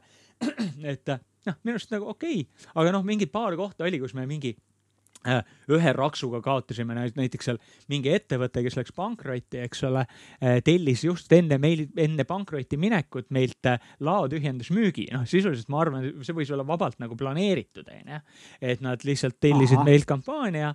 no ja siis, kui me, meil oli aeg nagu raha kollektida, onju, siis, siis nad olid juba pankrotis. ja, ja noh, meil oli mingi suvaline leping, mille, mis nagu noh, me olime viienda või viiekümne viiendad mingis järjekorras, kas mingit raha üldse sealt võiks saada, onju. ja, ja see, selliseid skämme ikka tuli ette, aga kui need juhtusid, noh, minu jaoks oli see, et noh, mul olid seal mõned partnerid ja omanikud, et nendele seletada, et sa oled nii loll, et lasid endale jälle mütsi silmini pähe tõmmata, onju. et see oli nagu võib-olla raske, et ja, ja see raskus oli natuke võib-olla mingi egoga seotud, et, et kuidas ma nüüd lasin endale nii teha, onju, et, et et äh, selliseid ettevõtteid, kes meile noh, see reaalselt nagu tünga tegid, eks ole. ega mingi kriis, mis oli, ma mõtlen, see oli mingi, meil oli seal Aasia kriis ja siis oli Vene kriis oli, me ütleme, neid detaile väga ei mäleta, aga näiteks üks, üks klient, kes tol ajal läks nagu peaaegu pankrotti, eks ole aga siis läbi saneerimise said jälle, praegu on täitsa tegutsev firma, eks ole. aga et noh, nad jäid meile mingi hirmsa hunniku pappi võlgu, eks ole. ja, ja seda, aga noh, kuna seal toimus selline kantimine ja värk, eks ole, siis meil nõuet ei ole tegelikult, eks ole. ja selliseid asju ikka nende kriiside ajal tuli ette, ega nüüd, kui praegu meil on kriis, eks ole, kohe varsti hakkab olema niimoodi, et kui kellelgi on ikkagi küsimus, et kas ma maksan sellele firmale arve ära või lähen pankrotti, onju Eh, et siis paljud otsustavad, et okei okay,, et las, las parem nemad lähevad pankrotti, eks ole. ja, ja noh, meil õnnestus küll seal mitte pankrotti minna, aga ikka eh, selles suhtes eh, raha läks kaduma, nii et ikka halb oli, eks ole. ja, ja lõppkokkuvõttes siis, kui sa seal oma mingite teiste osanikega räägid, et kuidas sa endale lasid nii teha, onju, siis noh, siis tundub, tuleb sihuke, sihuke ebakompetentsuse ja jobu, jobutunne tuleb peale, et see on see, võib-olla see raske koht, et, et aitäh, et sa jagasid seda. see on väga lahe, lihtsalt nagu mul täna, ma käisin äh, täna pangaautomaadis, automaadi juures raha välja võtmas, et siin korteriomanikule maksta kolm sotti kuuüür ära ja jumala timmüür nii laheda kodu eest, mis meil on, eks ole. ja panen pangaautomaati selle kaardi sisse, panen PIN-i ära, valin, on ju, summad, võt-, tahtsin välja võtta üheksa miljonit. eks ole, me siin ikkagi, ma olen high roller, hakkan üheksa miljonit välja võtma ja ütleb mulle, et eh, process, eh, mingi transaction has processed completed, annab kaardi ja raha ei tule. saad aru, raha ei tulnud. mine perse, kuidas ma ehm-, ehmatasin ära, sest nagu maailmas on praegu veits sihuke crazy olukord, me oleme ikkagi Vietnamis ja, ja me, me oleme siin mingeid kulusid pidanud katma ootamatuid, mis läksid kindlustuse alla, et nagu kõik on korras, aga see tunne või mõte korraks, et mida fuck'i, kas ma just kaotasin nelisada euri, oli ootamatult järsk mulle. Õnneks äh, ma läksin internetis kohe kontrollima ja seda raha ikkagi ei võetud maha mult. aga ma mäletan nii hästi, kui hullult ma järsku ära ehmusin. ma olin nagu mingi, et mul ei ole praegu seda vaja, mul ei ole praegu seda vaja, mul on kõik muud asjad peas. mul ei ole seda vaja ja kas, ja ma nüüd mõtlen selle sinu peale, et nendel hetkedel nagu noh mul ei ole seda sitta nüüd juurde vaja, et äh, see yeah. nagu ikkagi nagu, mul küsimust ei olegi, aga see nagu. ei no ma võin nagu, no, ma sellise näite tuua, et mul äh, ühesõnaga, kuna tol ajal maksime tihti ka sulasraha palka, eks ole, inimestele ainult noh, ta, ta ei pruukinud olla ümbrikupalk, aga seda sai ümbrikus onju. ja siis äh, siis oli niimoodi, et mul oli mingi hunnik pappi, reede õhtul jagasin palgad laiali onju ja jäi mingi papp kätte ja, ja siis, kui ma esmaspäeval tagasi tulin, onju, siis ma panin selle omal töölaua sahtlisse, mitte nüüd kõige peale just, onju, aga niimoodi kuhugi sinna, kuhugi taha ära. nii et noh, keegi pidi ikkagi teadma või otsima seda, eks ole. ja siis, kui ma tulin nagu, eh, tulin esmaspäeval tööle ja tahtsin edasi hakata raha jagama, eks ole, siis oli raha kadunud. no ma annan endale aru, et võib-olla ei ole nii mõistlik panna, see number ise oli noh, ütleme suurusjärgus võib-olla kolme inimese palk vast onju, noh nagu ütleme, kui tänases valguses vaadata, võib-olla ütleme kolm-neli tuhat euri, midagi siukest, eks ole. ja, ja siis, ja siis oli ja vot siis tekib jälle see, see probleem, et, et noh, kui sa nüüd jälle ütled oma mingile äripartnerile, kuule, et mul see pappi ei ole enam, et see kadus ära kuhugi, onju. et siis noh, õnneks meil oli nagu see koht, et, et, et noh, keegi ei arvanud, et ma selle endale tasku pistsin, onju. eks, et, et või noh, kui arvas, siis nad vähemalt ei öelnud seda välja. aga, aga lihtsalt see oli nagu nii, see, see on nagu selline noh, noh, natuke lollus onju ja samas ka mõnevõrra sellega, sellega seotud, et meil oli see atmosfäär oli ikkagi küllaltki selline nagu omamehelik ja sõbralik, eks ole. ja, ja siis sa tuled ja vaatad, et vau wow,, sellega läks veits jamasti onju. ja, ja aga no ühesõnaga selliseid, selliseid jamasid on ka juhtunud, et noh, vaatad, oh ahhaa, et, et siis ma edaspidi enam muidugi ei pannud raha lauasahtlisse, aga keegi, keegi siis enda inimestest yeah,? no ütleme see, et meil oli tol hetkel, meil oli äh, nagu ühes suures kontoripinnas oli palju ettevõtteid või no mitu ettevõtet ja, ja siis äh, need kõik olid nagu ühes grupi, ühe grupi ettevõtted aga, aga ikkagi noh, see, kes tuuri pani, see oli äh, kindlasti mingi keegi, keda, keda noh, keda ma näo, näost näkku tundsin ja aeg-ajalt tõenäoliselt ka palka maksin, onju, et, et. Äh. uh wow.. aga kriisidest rääkides, ähm, see on täna väga akt aktuaalne teema, olgugi et äh, Priit tegelikult selle turundusmaastikul väga tuntud ja ja väga palju nagu saavutanud, siis nendest kriisidest hetkel on äh, põnev rääkida. Kats, kas me lähme selle kaks tuhat kaheksa kriisi juurde ka või? no täiega lähme. ma arvan, et see on väga hea mõte minna sinna. Äh, kaks tuhat kaheksa, mis sa kaks tuhat kaheksa aastal, Priit, üldse tegid? no kaks tuhat kaheksa aastal, üheteistkümnendal veebruaril kaks tuhat kaheksateist ma asutasin siukse firma nagu Dreamgrow Digital onju. see on nüüd see agentuur, mida me siis tänaseni meie neid digiasju teeb ja arveid esitab, eks ole. ja siis ütleme nii, et ega saab ka kehvemat aega olla, et kui millal näiteks ütleme tuhat üheksasada kakskümmend üheksa, siis kui oli see Great, Great Depression algas onju, et siis oleks võinud ka firma teha onju. aga et, et ega mingi väga-väga paremat nagu või nõmedamat kohta firma algus, alustamiseks ei ole.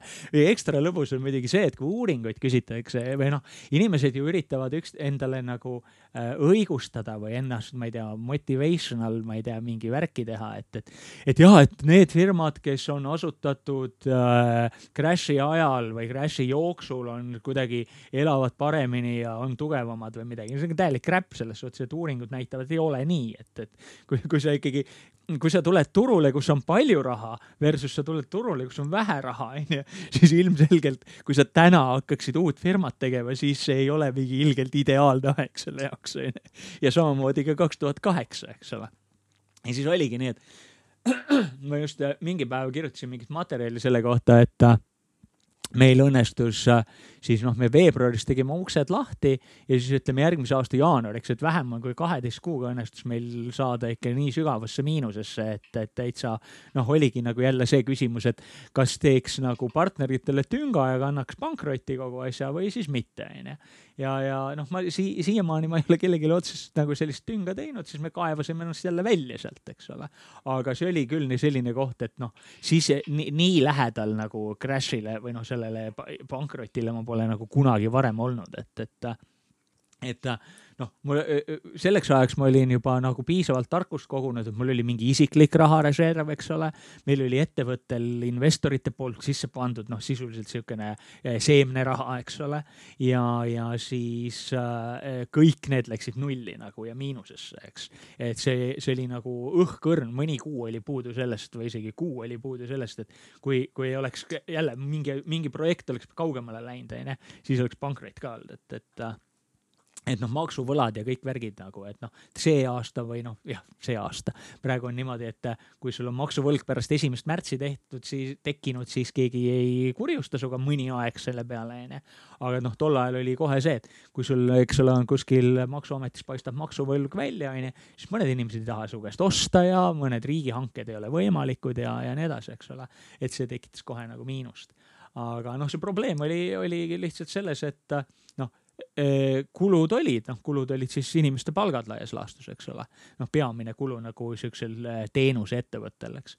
ja, ja siis mina oma suurepärases naiivsuses arvasin, et noh, tühja ma neid kulusid kärbin, onju, et ma lihtsalt müün rohkem et noh, no, no, et noh, okei okay,, see turg võib ju väiksemaks minna, onju, aga noh, meie, nii palju raha, kui meil vaja on, on seal ikka olemas, seal on rohkem, kui meil on vaja. et küll me selle kätte saame. No aga ei õnnestunud see trikk, onju. et ja siis, kui see trikk ei õnnestunud, siis. nii just, just seesama, et okei okay,, aga räägime selle nurga alt, et, et kriis on nagu käes. just see kaks tuhat kaheksa aastat, teil on need miinused on nagu käes.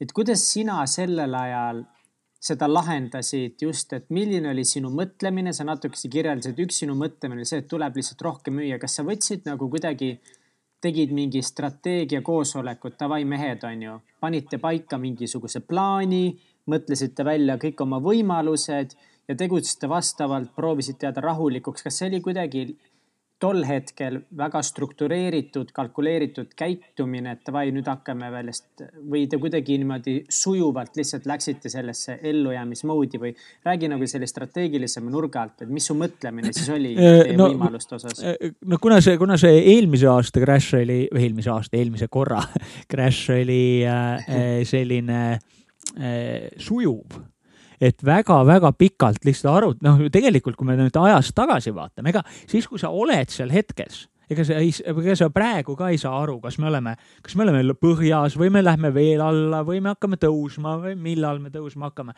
et see on pärast tagantjärgi on ilgelt hea targutada, et see inglise keeles on see hindsight bias onju, et sa, sa tagant oled väga tark ja räägid kõike onju, aga ega siis, kui sa oled selles hetkes, ega sa ei saa aru ju. samamoodi sa, kui ütleme, kui seda küsimust tänases valguses küsida, et noh, nüüd see crash oli nii järsk, mis meil praegu oli, aga tol ajal ta oli ülisujuv.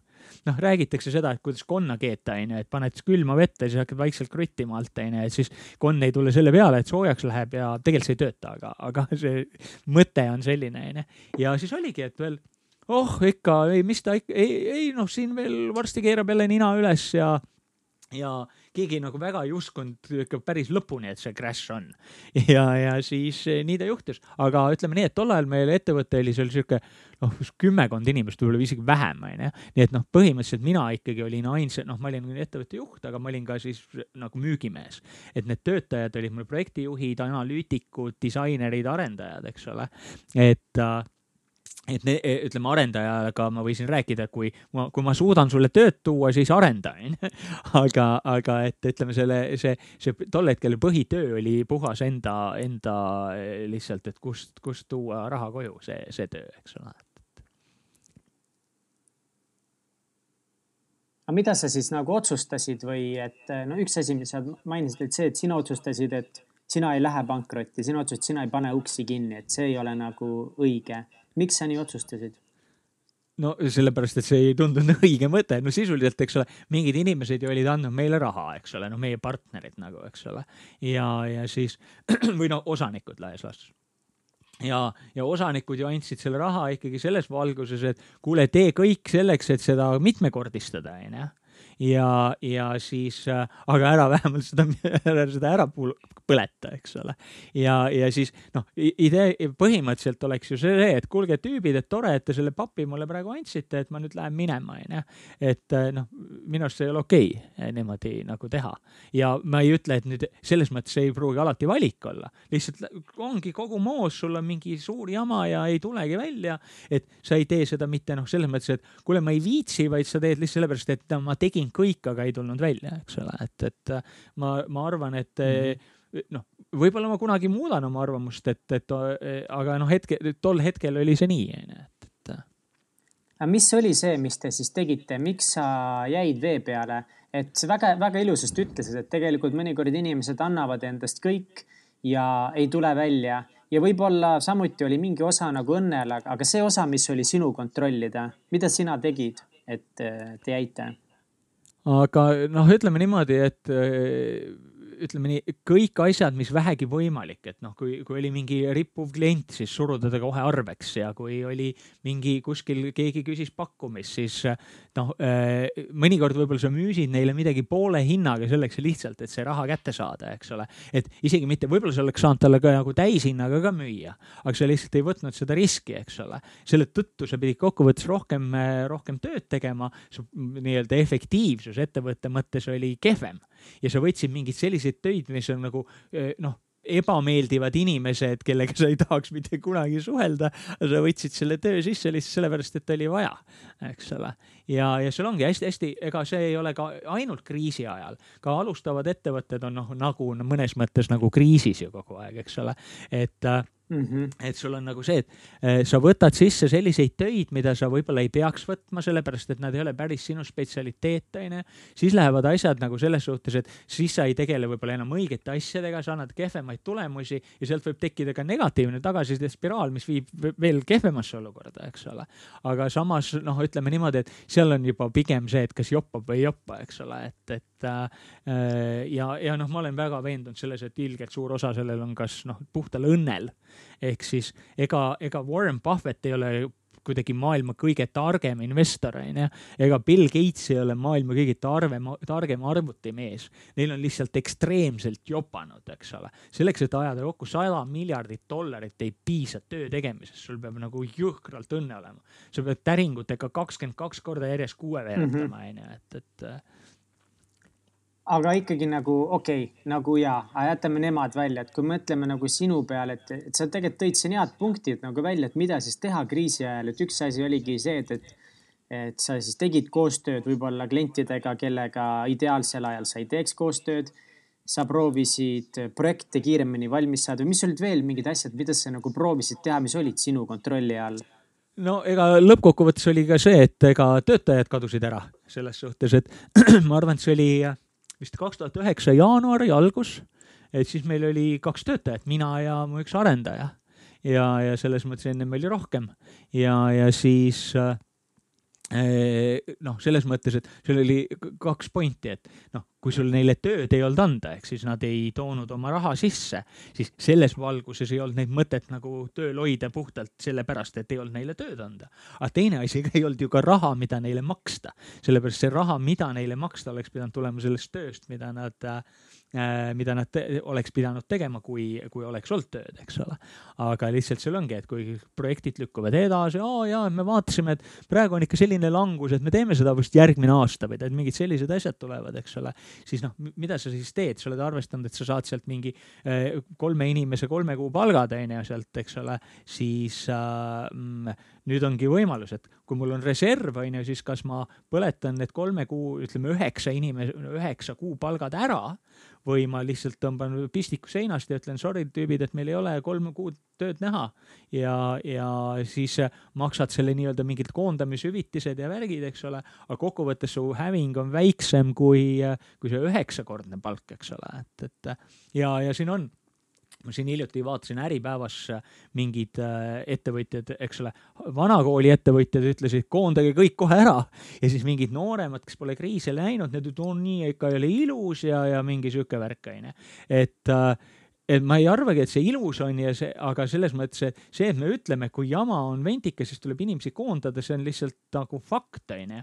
sulle ei pruugi see fakt meeldida, aga et äh, mulle näiteks ka ei meeldi, et päike on kollane, aga noh, midagi ei ole teha, eks ole, et, et äh, mulle meeldiks siis.... no mis hetkel sa võtad, võtad selle otsuse vastu, et enam ei ole nagu mitte midagi teha versus see, et nagu davai, et ei, vaatame ikka veel ja proovime ja, ja katsetame ja grind ime. no, no seal on nagu kaks, tegelikult on kaks meetodit, üks meetod on see, et sa, et noh, nagu need vanakooli ettevõtjad, see oli Jüri Käo ja mingid siuksed tüübid ütlesid, eks ole, et ikkagi vaatame kohe asjale näkku ja teeme kohe nagu right now, eks ole ja siis teine variant on siis see, kui sa näed, et kui ma nüüd kohe ei tee, siis, siis on nagu, siis on kõik läbi, onju.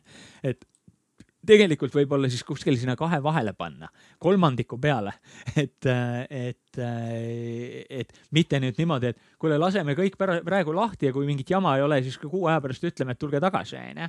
et see võib-olla ei ole õige, aga, aga kindlasti mitte, et ootame, kuni kõik on pekkis ja raha, reservid on otsas, sest siis ega koondamiseks sa ju ka mingeid tasusid maksma, et kui sul on reservid otsas, siis sa ei saa koondada, siis sa ei saa tasusid maksta. või kui sa siis ei maksa neid tasusid, on ju, siis jää, tulevad sul võlad, mis jälle on sul pankroti, pankrotipesas jälle mingi asi, mis sul nagu kirves pea kohal, eks ole. ja pluss muidugi on see, eks ole, et kui sa maksad nüüd, on ju kui sa kellelegi maksad palka, siis sa pead ju ka sotsmaksu maksma ja tulumaksu maksma, eks ole. et see, see jookseb ju sulle, kui ma kellegi ära koondan, siis, siis ei jää ma ainult talle võlgu, ma jään võlgu ka riigile, eks ole, nii et, et noh, ühesõnaga sealt tekib selline jõhker kaskaad, mis lihtsalt eskaleerub ja, ja eskaleerub, kuni, kuni ongi kõik läbi, eks ole. ideaalne mulle, mulle kriisid meeldivad, super sulle kriisid meeldivad, Mihkel, sellepärast et, et sa oled töötaja ja siis eh, sul on nagu hästi läinud selles mõttes. ei, mul tegelikult ei meeldi kriisid nagu.... ma ei mõelnud tõsiselt seda ähm,. aga mitu kriisi aga..., mitu kriisi sa oled läbinud muide? ei, ma, see ongi esimene kriis, millest ma reaalselt midagi aru saan ja, ja minu jaoks see kriis siin kindlasti on palju lebam, kuna mul on haigelt jopp pannud suht turvalise tööga nii et selles mõttes mul on nagu praegu hästi läinud, see on esimene kriis, mida mina nagu reaalselt äh, üldse näen. aga ma ikka nagu ei taha seda kaks tuhat kaheksa aasta kriisi veel täiesti mööda lasta, et, et siin on päris head pointid, mis sa rääkinud oled, aga kuidas see nagu sinu elu mõjutas, et sina ikkagi, kas sina pidid siis äh, rohkem töötama, kas sa push isid, noh, jäite kahekesi siis, aga mis siis nagu sai, et ootasid käed rüppes, kuni töö tuleb või? Ei no selles mõttes ikka business as usual, ega sa kliendid ju kuhugi, kliente ju ikkagi oli, eks ole, ja, ja siis sa vaatasid, kellele midagi pakkuda või kes tuli ise küsima, et meil oleks seda või teist asja vaja, et, et noh, selles mõttes ega sa ju ei tööta vaakumis, eks ole. kui sa oled oma ettevõtet vähekenegi turundanud, siis ju siin valdkonnas teatakse, et sa eksisteerid, eks, ja, ja küsitakse pakkumisi ja nii edasi. lihtsalt, et neid on võib-olla vähem, kui sa loodad ja, ja lõppkokkuvõttes siis konkurent tuleb, paneb oma pakkumise veel odavamalt saavad, noh, ühesõnaga see konkurentsitingimus on hästi-hästi karm, eks ole, et, et ollakse nõus, I will go for food on ju, et, et et sa teed nagu, teed nagu tööd selle eest, et lihtsalt lampe põlemas hoida, onju, et, et muidu võib-olla müüksid seda tööd kolm korda kõrgema hinnaga, eks ole.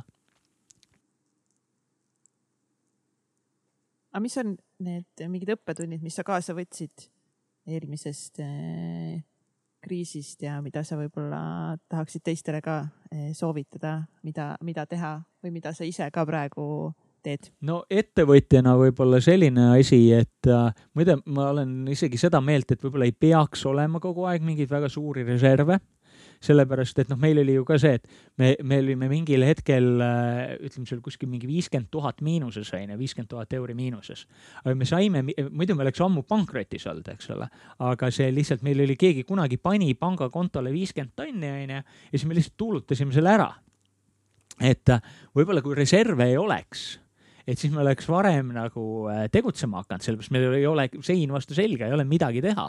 et ma enda puhul, see on puhtalt ainult mu enda asi, on see, et kui nii kui mul on mingi niisugune kuskil mingi turvapadi olemas, onju, siis ma äh, rassin vähem kui, kui siis, kui ei ole turvapatja, eks ole. ja, ja äh, see on üks asi, mida noh, ma, ma, see, ma nüüd ei tea, kellel on ja kellel ei ole, aga põhimõtteliselt, kui sa oled täna ettevõtja ja sul on ettevõttes mingid reservid, ütleme äh,, sul on, ma ei tea, jaotamata kasumit, mis on lihtsalt seisab sul pangakontol onju, siis mina maksaks selle kõik kohe dividendideks välja, sellepärast et siis sul on võimalus otsustada hiljem, kas ma tahan selle ettevõttesse tagasi panna või mitte, onju. kui sa jätad selle nagu sisse, selle raha, siis tekib see olukord, et ta lihtsalt sulab sealt ära niimoodi, et sa ei pane tähelegi et, et äh, ja no muidugi see on ainult nende probleem, kellel on mingid reservid, eks ole et tõenäoliselt, äh, kui me vaatame, kuidas hiljuti ma siin ühe uuringu läbiviimise juures olin, et et äh, umbes pooltel ettevõtetel on null reservi, nagu nad ei suuda järgmise kuu palkasid välja maksta, onju.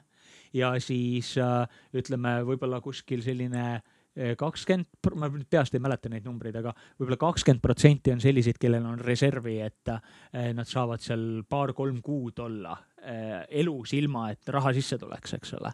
et noh, paljudel ettevõtetel ju vaata, praegu on see asi, et on nullkäive, eks ole, et, et ja, ja ka selles suhtes see on üks asi, mida ma arvan, et kindlasti peaks vaatama, et eh, reservid peaksid olema selles mõttes nagu kaitstud et, äh, et nad ei sula ise, nad ei ole sul nii-öelda avalikul või noh, nii-öelda firma jo, jo, jooksev kontol ja sa lihtsalt kogemata ei maksa seda mingiteks kuludeks ära, sellepärast et sa võid otsustada, et nii, reservid paneme praegu eraldi kuhugi ära ja me elame ainult sellest rahast, mis sisse tuleb et see on nagu selles mõttes õige, et siis on kõik, kõikidel on pilt ees. meil on alates, ma ei tea, märtsi keskelt on olukord on selline, me saame maksta palkasid, me saame maksta üüre, me saame teha asju ainult nii palju, kui meil käivet on, eks ole.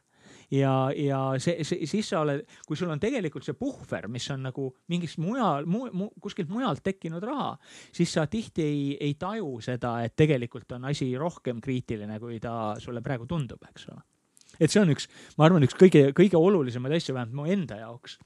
seda ma jälgin absoluutselt kogu aeg, et äh, reservid on äh, ütleme vajalikud, aga äh, nad peavad olema mitte lihtsasti kulutatavad, jah et noh, samamoodi, et kui sa, kui sa pead. Eraisikutele ka tegelikult, et see ongi nagu lahe, et see nii sobib ettevõtetele kui ka nagu eraisikutele, et, et noh, praegu kindlasti on nagu võib-olla keeruline inimestel nagu hullult reserve ehitama hakata, kellel ei ole, aga võib-olla see on nagu väga hea sihuke meeldetuletus meile, et nagu me peame kogu aeg oma raha kõrvale panema mingi osa ja no,, ja see on üks, võimalik tegelikult.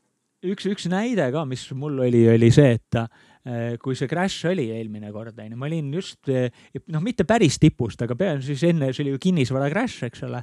et just äh, mingi kaks tuhat kuus lõpus ma olin endale ühe uue eluaseme ostnud, eks ole. ja, ja siis äh, ikka peaaegu õnnestus tipust kätte saada ja siis siis oli nagu tulemus tulemus oli siis see, et äh, ühesõnaga ma pidin seda, ühesõnaga see raha, ma ei saanud seda raha ära süüa sellisele, see oli korter onju, see oli selle korteri sees ja ma pidin veel iga, iga jumala kuu maksma mingi kakssada viiskümmend euri seda korteri laenu, eks ole. ja, ja see, see oli selline raha, millele ma ei saanud mitte mingil moel ligi, et kui ma oleks pidanud seda müüma hakkama, eks ole, siis ma oleks saanud päris raju hiti nagu selle hinna pealt, eks ole. et see väärtus oli langenud võib-olla kolmandiku jagu, kui mitte rohkem, eks ole. pluss siis see ei ole ka mingi kiire tehing, et see on üks põhjus, miks ma olen suur kinnisvara omamise fänn, onju. et siin mingi, mingi Kiyosaki või kes see on, räägib, et oo, oma kodu ei ole investeering, onju. Et noh, see on nii stupid jutt, et ma lihtsalt ei jaksa, et ma ei saa aru, kuidas sellise jutu pealt saab nii palju raamatuid müüa, onju. aga, aga oh,. super, väga hea. aga oma, oma kodu loomulikult on investment, et mis see on siis, et ma ostan endale üürikinnisvara, aga ise rendin endale pinda. kui sul on kaks võrdset pinda, mis on, üks on see, mida sina üürid välja ja teine on see, mida sa üürid sisse, siis sa oled ju miinuses stupid. aga et, et Kiyosaki ei arva nii aga võib-olla ta ei ole käinud ka koolis ja minu arust tal oli hiljuti pankrot, nii et, et äh, seega see, nii palju siis sellest aga okei okay,, ma tegelikult Kiyosaki räägib ju normaalset juttu ka, aga lihtsalt see on üks asi. ei, kuule, mis sa ära võta tagasi nüüd, see on okei okay., kõik ei peagi nagu ühtemoodi arvama ja mina näiteks arvasin ka nagu sina, et nagu kindlalt on kinnisvara omamine kõige parem ots. ma nagu täna jälle nagu täiesti kindel ei ole selles, et, et nagu no versus selles mõttes, et võib-olla nagu oma raha, see, mis sa paned kinnisvarasse, seda investeerid hoopiski kuskil mujal ära, aga seal on nagu nii palju faktoreid ja mulle meeldib kuulda nagu siukseid nagu igalühel on oma nagu vaatenurk ja seisukoht. miks ma, ma ei, ma ei, seda ma ei tahtnudki taha, tagasi võtta, et oma kodu on kindlasti hea investeering, ma olen täiesti seda meelt ja igavesti, kas, ma arvan, et päris igavesti seda meelt. aga mida ma lihtsalt tahtsin öelda, et äh, Kiyosakil on väga palju häid kinnisvaranõuandeid, mille vastu ma kuidagi ei saa, mis ma olen isegi tema, tegelikult tema raamatuid lugenud, eks ole. aga lihtsalt, et see üks point on minu arust absurd, et, et seda korrutavad päris paljud teised mm -hmm. finantsinimesed ka ja mulle tundub see et nad ei saa aru, mida nad räägivad. aga Priit, mis on, mis sina arvad, mis on täna võimalused, et äh, mitte nagu ma ei mõtle nagu mingi hullult tohutus rikastumise võimalused, aga ütleme nii, et nagu väga paljudel inimestel on keeruline. võib-olla osadel on sihuke keskmiselt keeruline, võib-olla kõikidel ei olegi kõige hullem seis, et mis on need võimalused, mida me täna teha saame, et, äh, just kuidas leida uusi võimalusi või, või kuidas see positiivses nurgas võiks inimesi kuidagi aidata? millele tähelepanu pöörata?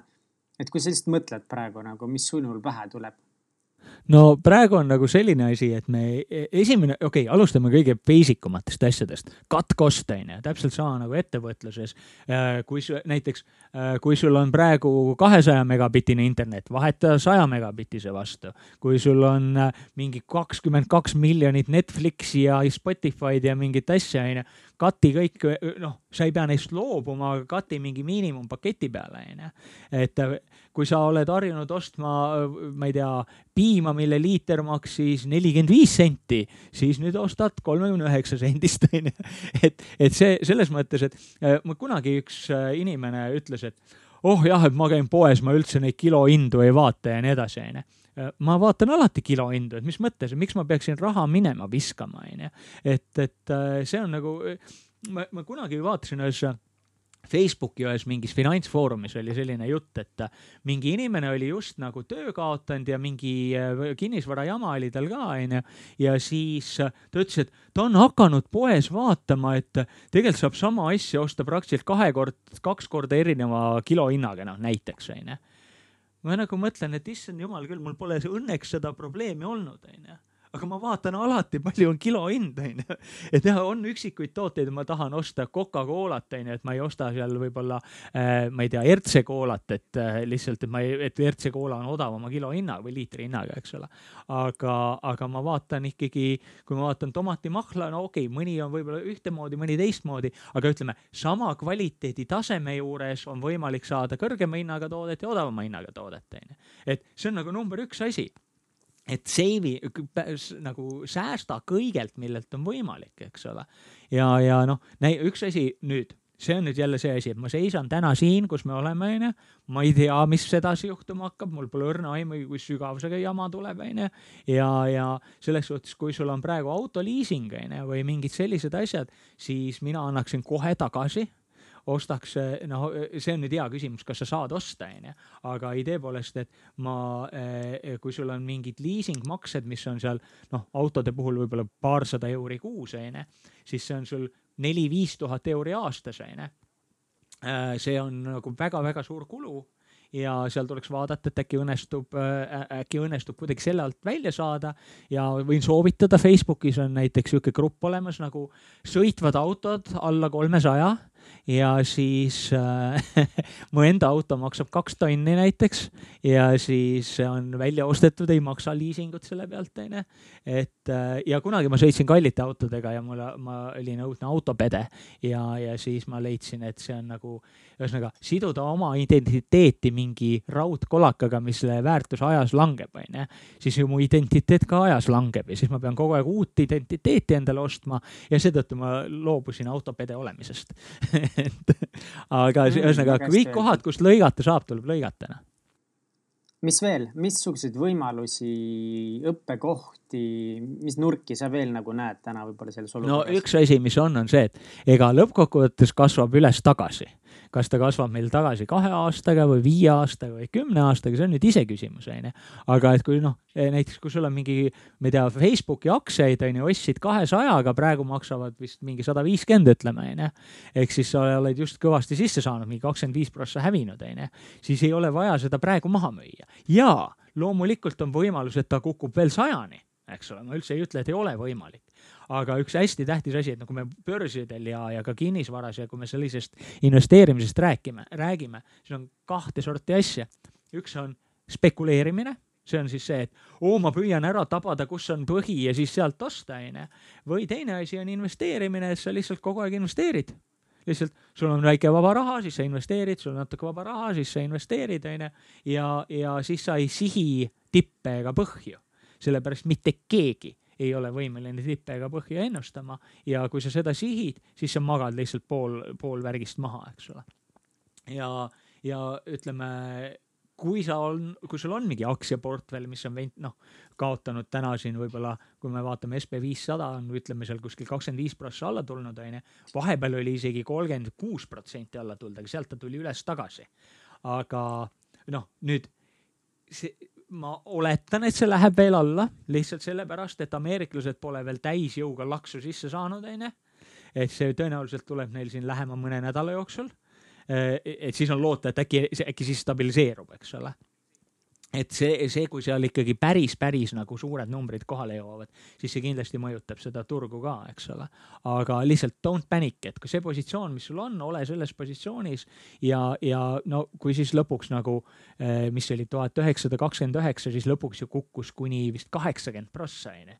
siis kõik võivad öelda, et oo Priit, sa oled nii loll, sa ei teadnud, et siis kukub kaheksakümmend prossa või jaa, kui see, me räägime pärast seda, kui see kaheksakümmend prossa on ära kukkunud, siis ma võin teile rääkida, et kukub kaheksakümmend prossa.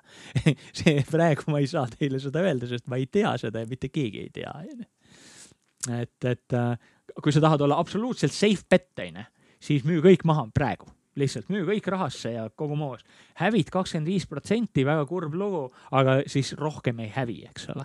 et see on nagu, see, see on nagu selline äh, raudkindel strateegia, sa võtad selle matsu sisse, mis sa just said, onju aga eh, nii kaua, siis kui see asi sul rahas on, siis sa võid suht kindel olla, et see ei hävi rohkem kui inflatsioon, eks ole see, see omakorda mina jälle... sellega nagu selles mõttes, et nagu ma arvan, et keegi ei tohiks midagi müüa, kui see ei ole just nagu eluliselt oluline, sest enam ei ole söögi või mingit muud raha. ja, aga muidu ma, ma ei tohiks midagi müüa. ma olen Ainult sama meelt, ma olen sama meelt, aga kui me võtame lihtsalt, lihtsalt külma kõhuga kõige kindlama variandi, müü kõik maha ja sa ei kaota rohkem mitte midagi see ei, sa ka ei võida rohkem mitte midagi ja, ja kuna nüüd kõik hakkavad ju raha trükkima niimoodi nagu siin nagu oleks maailma lõpp kohe tulemas, onju, siis USA-st tuleb mingi kaks triljonit turule ja, ja Euroopast tulevad mingid triljonid turule, onju, siis inflatsioon ilmselt eh, liiga väikseks ei jää, eks ole, nii et ka see raha, mis sa siis nagu kätte saad, see hakkab infleeruma ju, eks ole. aga, aga ütleme, ta on selles mõttes, no ütleme, raha on ikka praegu võib loota, et kõige kindlam väärtuse säilitaja, aga me pole sellist kriisi mitte kunagi näinud, et vaata, kriisidega on nagu selline asi, et me oleme päris hästi või inim, inimesed nagu oskavad õppida, et see on meie nagu superpower, eks ole, et sellepärast me ei ole ka Aafrikas kuskil puu otsas enam, onju. sest me õpime oma vigadest. meil peaaegu ükski crash, mis meil on olnud, ei ole kordunud, eks ole.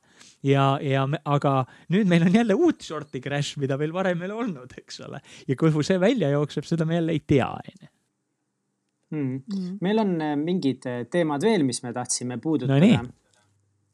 ja ma ka ennem küs-, ma küsiks korra veel, et, et Priit, et kas sa, kas sa usud seda, et see tänane kriis on äh, on hea aeg näiteks alustada ettevõtlusega no. Ma... teadupärast ju ettevõtjad on suured probleemi lahendajad ja neid probleeme kerkib meil siin eh, iga päevaga aina rohkem üles, et nagu kas praegu tegelikult on see õige aeg no, me, me, nagu hakata pihta? me päris alguses alustasime tegelikult sellest, et ma ise ju alustasin oma ettevõttega eelmise crash'i alguses ja siis läksin peaaegu plaksti pankrotti onju. aga et äh, tähendab ettevõttega alustad siis, kui sul on tunne, et nüüd peaks alustama. ja, ja kui siis juhuslikult satub olema kriis, no siis on kurb lugu, onju.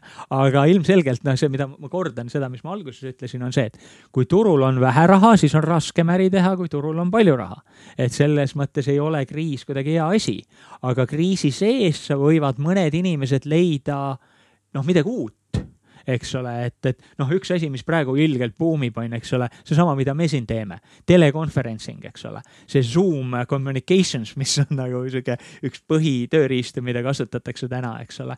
siis see ju, selle aktsia laseb, kõik teised aktsiad on alla läinud, see, see on nagu püsib või tõuseb, eks ole.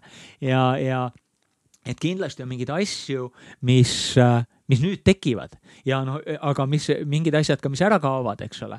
et kui nüüd on mingid inimesed on sunnitud kuude kaupa kodus istuma või vähemalt kuu-poolteist, onju. ja siis tekib see mõte, et aga miks me sinna kontorisse ikka tagasi lähme, onju. ega kui nüüd, kui, kui nüüd eh, normaalsus mingi aeg taastub, eks ole, ega siis osa inimesi enam ei lähe kontorisse tagasi. osa ette, tähendab, eh, paljud lähevad, aga vähem kui ennem eks ole. inimesed sõidavad vähem autodega, inimesed rendivad vähem kinnisvara, noh kontori kinnisvara, inimesed ostavad rohkem e-poodidest asju, eks ole. kõik see, see on, see, see sundolek, mis meil praegu on, siit tuleb hästi palju sellist äh, muutust, et me muidu läksime vaikselt samm-sammult, läksime e-poest, hakkasime asju ostma. nüüd öeldi kõigile lihtsalt kohe, et põhimõtteliselt ostke e-poest, onju. ja noh, kuna kõikide e-poodide need tellimise ajad on kogu aeg blokitud, onju, sest nad on täis siis, siis ma käin, käin ikka aeg-ajalt veel päris poes ka aga, aga. oota, mina mõtlen hoopis seda, et tegelikult see Katsi point selles mõttes on nagu aga kui mõtleme näiteks inimeste peale, kellel on praegu nagu keeruline, mul on sihuke tunne, et võib-olla paljud inimesed täna on nagu sunnitud otsima, leidma mingeid uusi võimalusi. mida kõik need inimesed võiksid teha, kes kaotavad töö või kellel näiteks on mingid palgakärped. samas nüüd on aega kodus on ju palju olla, et mulle kuidagi tundub, et selles mõttes võib-olla väga paljud inimesed on sunnitud mingis olukorras olemas, kus nad otsivad uusi võimalusi või siis vähemalt, kui on seda aega et siis mõelda selle pealt, äkki see on nüüd aeg, kus otsida mingit uut nurka, et Kats, tegelikult teie olete ju väga hea näide selle jaoks. vaata, meil on seda niisugusest priviligeeritud positsioonist juba hea rääkida, onju. et äh, mm. vaata, iva on nagu selles, et äh, ma suudan natuke aega siin kriisis vastu pidada, ilma et ma, mul, ma võin nullkäibega päris tükk aega vastu pidada, onju. ja, ja siis äh, ma usun, sa ka siin ütlesid, et sul nagu on noh mingi, mingi selja, turvavaru on kuskil olemas, onju. aga kui sa said eile töökohas kinga, onju, sa oled olnud viimased, ma ei tea, kümme aastat mingi töötaja kuskil, eks ole. ja sul on null reserve, enamus, enamus maailma inimestel on null reserve, onju ja siis sa ei hakka mingit äri ajama, sa lihtsalt lähed, võtad esimese kõige odavama töö, mis sul eh, võileiva lauale paneb ja kogu moos onju, et, et ja loomulikult mõned kannatavad selle ära, aga kannatavad ikkagi pigem need, kel sul peab mingi asi olema, sa pead ostma, eh, pead võileiva saama endale, eks ole, sa pead noh, need, kellel veel on lapsed, eks ole, või pered, tead, peavad ka need asjad ära eh, kandma, eks ole. Ja, ja ühesõnaga selles mõttes ma ei ütle, et see ei, ei tekita uusi mõtteid, aga kokkuvõttes ega kui majandus kokku tõmbab, siis ju kogu väärtus väheneb, see, see ongi ju majanduslangus, et kogu väärtus väheneb. mõned inimesed võivad selle, nagu mina kunagi arvasin, et kogu majandus võib ju väiksemaks minna, aga seal on piisavalt palju, et ma ikka elan selle üle. näed, ei saanud kätte seda eks ole, no lõpuks ma jäin küll ellu, aga ma ei saanud seda kätte, eks ole. et selles mõttes kui ma hakkaksin tegema äh, veebikaameraga varustatud koerakuute, onju kui ma hakkan neid tegema siis, kui inimesel raha, inimestel raha ra, kõvasti käes, siis ma saan hääd tulemused, kui ma hakkan seda täna tegema, siis võib-olla mitte nii väga, eks ole. et ükskõik. Kats, mis sina arvad? kuidas, palun? Ma, mi, ma, ma ei kuulnud, mis. mina arvan, mis asja? ma ei kuulnud, mis sa ütlesid. ja, ja Kats, ma ütlesin, et mis see Kats arvab ma arvan, et see on, et see annab nagu palju võimalusi inimestele just nagu mõeldagi selles suunas, et ongi, et kui sul ongi nagu kõik on pe pekkis onju, et ja mul ongi vaja mingit sissetulekut, et mida mis väärtust ma saan nagu inimestele pakkuda, et mida nad siiski nagu vajavad, et kas on nagu konkreetselt ettevõtlusega alustamine, aga näiteks see, et kas ma saaksin hakata näiteks virtuaalseks assistendiks. kas ma saaksin õppida kiiresti ära mingit elementaarset mingit disainioskused ja pakkuda näiteks e-poodidele võimalust, et ma teen teile mingi, mingid logod või mingid disainid või veebiarendust, et see annab nagu selles mõttes häid võimalusi ma... nagu mõelda äh, selle peale ei, aga ole realist. aga, aga point on selles, et äh, mõtle nüüd, et äh, nagu ma eelnevalt ütlesin, esimesed, kes kinga saavad, on turundajad ja, ja veebidisainerid ja kõik sihuke rahvas onju. ja siis nüüd, kui nüüd tuleb, eks ole äh,, keegi saab siin mingist suvalisest mitte veebidisaineri ametist kinga, siis ta õpib veebidisaineriks ja hakkab konkureerima nende veebidisaineritega, kes said veebidisainerilt kinga ja on kümme aastat veebidisainerid olnud, siis me jõuame sinna kohta, et ei.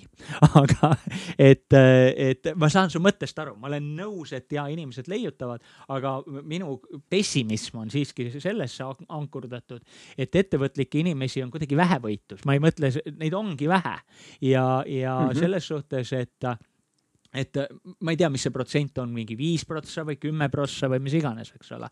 et äh, neid on vähe ja kui, kui see üle, need ülejäänud inimesed, nagu ma ütlesin, mul on ka mõned sõbrad, kes tegelevad oma, käivad tööl lihtsalt sellepärast, et ta tahab olla pigem hea isa ja pere ja sõpradega läbi saada. ja kui tal nüüd öeldakse, et kuule, et näed, homme ei ole vaja tulla, onju, või noh, kuu aja pärast, eks ole, siis tekib see küsimus, et äh, aga mis ma nüüd teen ja, ja ta pole mitte kunagi, ta, tal puudub aju, tal pole seda musklit nii-öelda eks ole. ettevõtjal, kes on olnud aastaid ettevõtjaid või ka natukene ettevõtja, tal on see mu muskel või see harjumus leida, otsida, võtta äh, nagu scavenger, ühesõnaga inimeste, inimeste põhiloomus on oportunist. vaatad, loo, näed, siin vedeleb midagi, võtame selle mm -hmm. üles, vaatame, kas me sellest saame midagi teha. aga paljud inimestel on see nagu äh, nagu taandunud või neil, neil, nad ei ole seda võimekut või oskust endas välja arenena, arendanud hästi sagedasti on see, et äh, kui ma äh, ütleme nii, et meil on mingi asi, meil on vaja ideid luua, mõelda ma hakkan ütlema, oh see idee, see idee, see idee onju. ja siis vastu tuleb see, et aga ma seda ei saa sellepärast teha ja ma seda ei saa sellepärast teha ja ma seda ei saa sellepärast teha, eks ole. et see on, see ongi see selline eh, selle eh, nagu pealehakkamise muskli degradeerumine, ütleme nii, jah. ja, ja lihtsalt mitte sellepärast, et neil ei oleks seda, aga nad pole seda kunagi vajanud ja seetõttu nad ei oska seda ka kasutusele võtta siis, kui kriitiline olukord on. ja nüüd mõtle peaga kui sul on vaja äh, hakata äh, kung fuga tegelema, onju, kas siis kung fuga on parem hakata tegelema siis, kui sa lähed trenni ja keegi ei ründa sind? või siis, kui sul tuleb äh, Bruce Lee ja hakkab sind kolkima, et kuidas on parem kung fu'd omandada? Ilmselgelt üksi treen- või mitte üksi, aga hea õpetaja käe all rahulikult treeningsaalis onju mitte siis, kui keegi ründab sind ja sulle äh, nagu elu on äh, paelaga kaelas, eks ole. nii, see on, see on see pessimism minu arust. siis oleks päris äh, tore kui konkreetselt just nagu tema tuleb. ei, vaata, kui, vaata, kui Bruce Lee tuleb sind õpetama, see on üks asi, kui Bruce Lee ründab sind selleks, et sult võtta ära sinu leivapaluke, onju, siis see on teine asi mm. -hmm. aga ma ikkagist, ma, ma leian nagu ikkagist seda, et et kui siis nagu sa ise ka ennem ütlesid, kui sa oled ikkagist nagu vastu nurka, vastu seina surutud, siis, eh, siis noh, sa pead nagu leidma mingid, eh, mingid lahendused ja nagu, et see kriis annab meile ka nagu rohkem võimalusi neid lahendusi leida, nagu mida võib-olla tavaolukorras eh, ei teeks ja see, et kui meil veel seda musklit ei olegi, nagu paljudel inimestel täna seda ei ole, siis ongi vaja seda musklit hakata nagu üles ehitama ma kummardan teie optimismi ees, aga. Priidu pessimismi juurde, siis võib-olla siit saab nagu niipidi seda lugeda, et nagu ongi, et siin ei ole ühte eh, õiget teed. me igaüks näeme seda veidi erinevalt. kuidas mina loen seda Priidu mõtet võib-olla välja, kuidas mina tõlgendan, on see, et, et kui sa täna oled raskes olukorras, siis äkki on mõistlik nagu vaadata, et võib-olla sul on võimalik leida mingi teine töö või lihtsalt, kui sul ei ole tööd, et noh, kindlasti ei ole praegu tööd leida lihtne, aga võib-olla sa leiad mingigi töö, mis sulle mingit palka maksab. ja äkki see ettevõtlikkuse arendamise ja seda kui nii-öelda pääseteed ja üleüldse pikemas plaanis kui parema elu jaoks, et võib-olla selle peakski lükkama siis, kui asjad paranevad. sest kui no. sul seda musklit ei ole, see kõik on väga keeruline, et äkki siis praegu ma, nagu ma, ma tooks, ma tooks siia selles suhtes, et äh, seda musklit tuleb, tähendab kõiki muskleid ja kõiki asju on vaja kohe teha. ja, ja selles mõttes, et äh, mitte later, onju, me ei tea, millal see on. aga ühesõnaga okay. Äh, viska omal telekas minema, onju, ja, ja selle asemel, et telekat vaadata iga õhtu, see oli, ma olen täiesti nõus, õpi midagi, hakka, hakka millega iganes tegema. võib-olla sa oskad, ma ei tea mängida diskgolfi väga hästi. tee diskgolfi kursus, pane see Udemisse üles, tee globaalne diskgolfi kursus. aga küsimus on selles, isegi ma ei räägi sellest, et see raha teenib, tee see tasuta. tee lihtsalt see, tekita endas harjumus neid asju teha eks loomulikult on mõistlik raha teenida, aga lihtsalt mul, ma toon näite nagu ühe noh, oma, oma nagu, kui ma olen töötajaid endale värvanud, eks ole. mul tuleb töötaja, kes on disainer ja ta ütleb, et oo jaa, et näed, ma olen siin disainikooli lõpetanud ja igasuguseid ägedaid asju seal koolis teinud ja, ja siis mõned, mõned tööd ka onju. ja siis ma küsin, all right, et aga näita, et mis töid sul on nojah, mul väga palju töid ei ole, et ma siin töö, koolis tegin kaks projekti ja siis mul üks klient, et ma talle ka tegin ja siis mul on nüüd, need ongi mu tööd. ma küsin, et aga mida sa vabal ajal teed või mida sa siis teed, kui sa nagu kodus istud, onju no whatever, mis ta teeb, igal juhul ta ei tee disaini, eks ole. ma ise olen ka disainerina töötanud, kohutava disainerina, aga ma olen siiski müünud oma disaini, onju. ja, ja siis äh, ma, ma mõnikord võtan Photoshopi lahti sellepärast, et vaataks, prooviks, kuidas see asi on ja ma täna ei tee disaini, ma ei müü disaini ja nii edasi. aga ma ikka, ma näiteks, kui ma teen oma slaide näiteks koolitustele, ma disainin ja joonistan neid ise. ma ja, ja kui ma teine te,, mu üks kõigi aegade kõige, kõige, kõige parem äh, disainer, kes mul kunagi on olnud, onju, tuleb mulle sinna, onju. aa ja, et aga ei, ei, ma ei olegi kuskil tööl olnud aga näed, mul on see töö, see, ta tegi ise veebilehti, lihtsalt mitte, mitte mitte klientidele, vaid lihtsalt katsetas, kuidas see töötab, kuidas see töötab, kuidas see töötab. ja näitas, näed, ma proovisin neid asju ja neid asju ja neid asju. et ühesõnaga ta, ta, ta tegi neid asju sellepärast, et aa, tal oli fun, talle meeldis seda teha, aga teine asi sellepärast, et ta harjutas sellega, et oh, huvitav, kuidas see töötab, aga mis siis juhtub, kui ma seda teen, eks ole. tänapäeval on meil selline pagana õpikeskkond olemas nagu Youtube on ju, ja, ja näiteks kui mina teen oma mingeid siin videosid või asju, on ju, ma, ma teen seda Adobe Premiere'iga, eks ole, äh, siis äh, ma Adobe Premiere'i praktiliselt ei oska ja siis, kui mul on jälle midagi vaja, siis ma lähen Youtube'i, kirjutan how to see või teine onju. ja siis ma teen selle ära ja ma saan piisavalt heal tasemel teha, et need, need, neid koolitustena kasutada või mida iganes, eks ole. et, et kui ma nüüd ostaks seda tööd sisse, võib-olla ma saaks kiiremini, aga praegu ma saan kaks asja, esiteks ma ei pea raha maksma ja teiseks ma saan arusaamise, mida see töö endast kujutab, eks ole. ja, ja, ja samamoodi, kui sul ei olegi, oletame, sa praegu istud kodus, sul on veel töökoht olemas, onju, aga tee koerablogi või eh, selles mõttes ma olen nõus, mõtle välja, kuidas eh, veebis teha mingit asja, mis siiamaani on kogu aeg tehtud eh, offline'is, eks ole. et noh, mõned ametid jälle on sellised, noh, mida ei saa, eks ole, et, et noh, kuidas sa ikkagi näiteks kontorit koristad kodus, onju. aga et, et selles mõttes mõtle välja, katseta, sa ei, e, e, ma võin anda selle idee, kuidas sa, kuidas, kuidas üldse sellist, seda ideemusklit ja üldse e, nagu ettevõtlikkusmuskliga algust teha. see ei ole minu välja mõeldud, on sihuke tüüp nagu James Altucher ja, ja ta ütleb, et kümme ideed päevas. hommikul võtad paberilehe ette ja kirjutad kümme ideed kümme ideed, kuidas äh, kõndida äh, tagurpidi, kümme ideed, kuidas äh, teha seda, teist või kolmandat, sul pole absoluutselt mingit tähtsust, mis ideed need on, sa võid need pärast ära visata. aga iga hommiku kümme ideed, sa võid võtta ka see, kuule, mul sõbral on üks firma, mille, mis on raskustes, kümme ideed, kuidas nendest raskustest üle saada. kümme ideed, mida ma võiksin ise teha, et teenida järgmine kuu kolm eurot, eks ole, ja iga päev mõtled need välja ja küsimus ei ole, eesmärk ei ole nendes ideedes, eesmärk on selles idee muskli kasvatamises, eks ole. Ja, ja siis, kui sa, kui sa seda, see, selle, see ei maksa mitte midagi, see võtab viisteist minutit aega.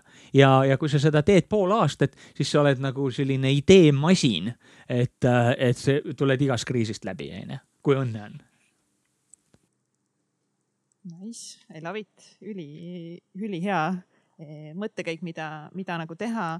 mulle meeldis üks mõte, mis sa eelmine kord, kui me vestlesime, ütlesid välja, et äh,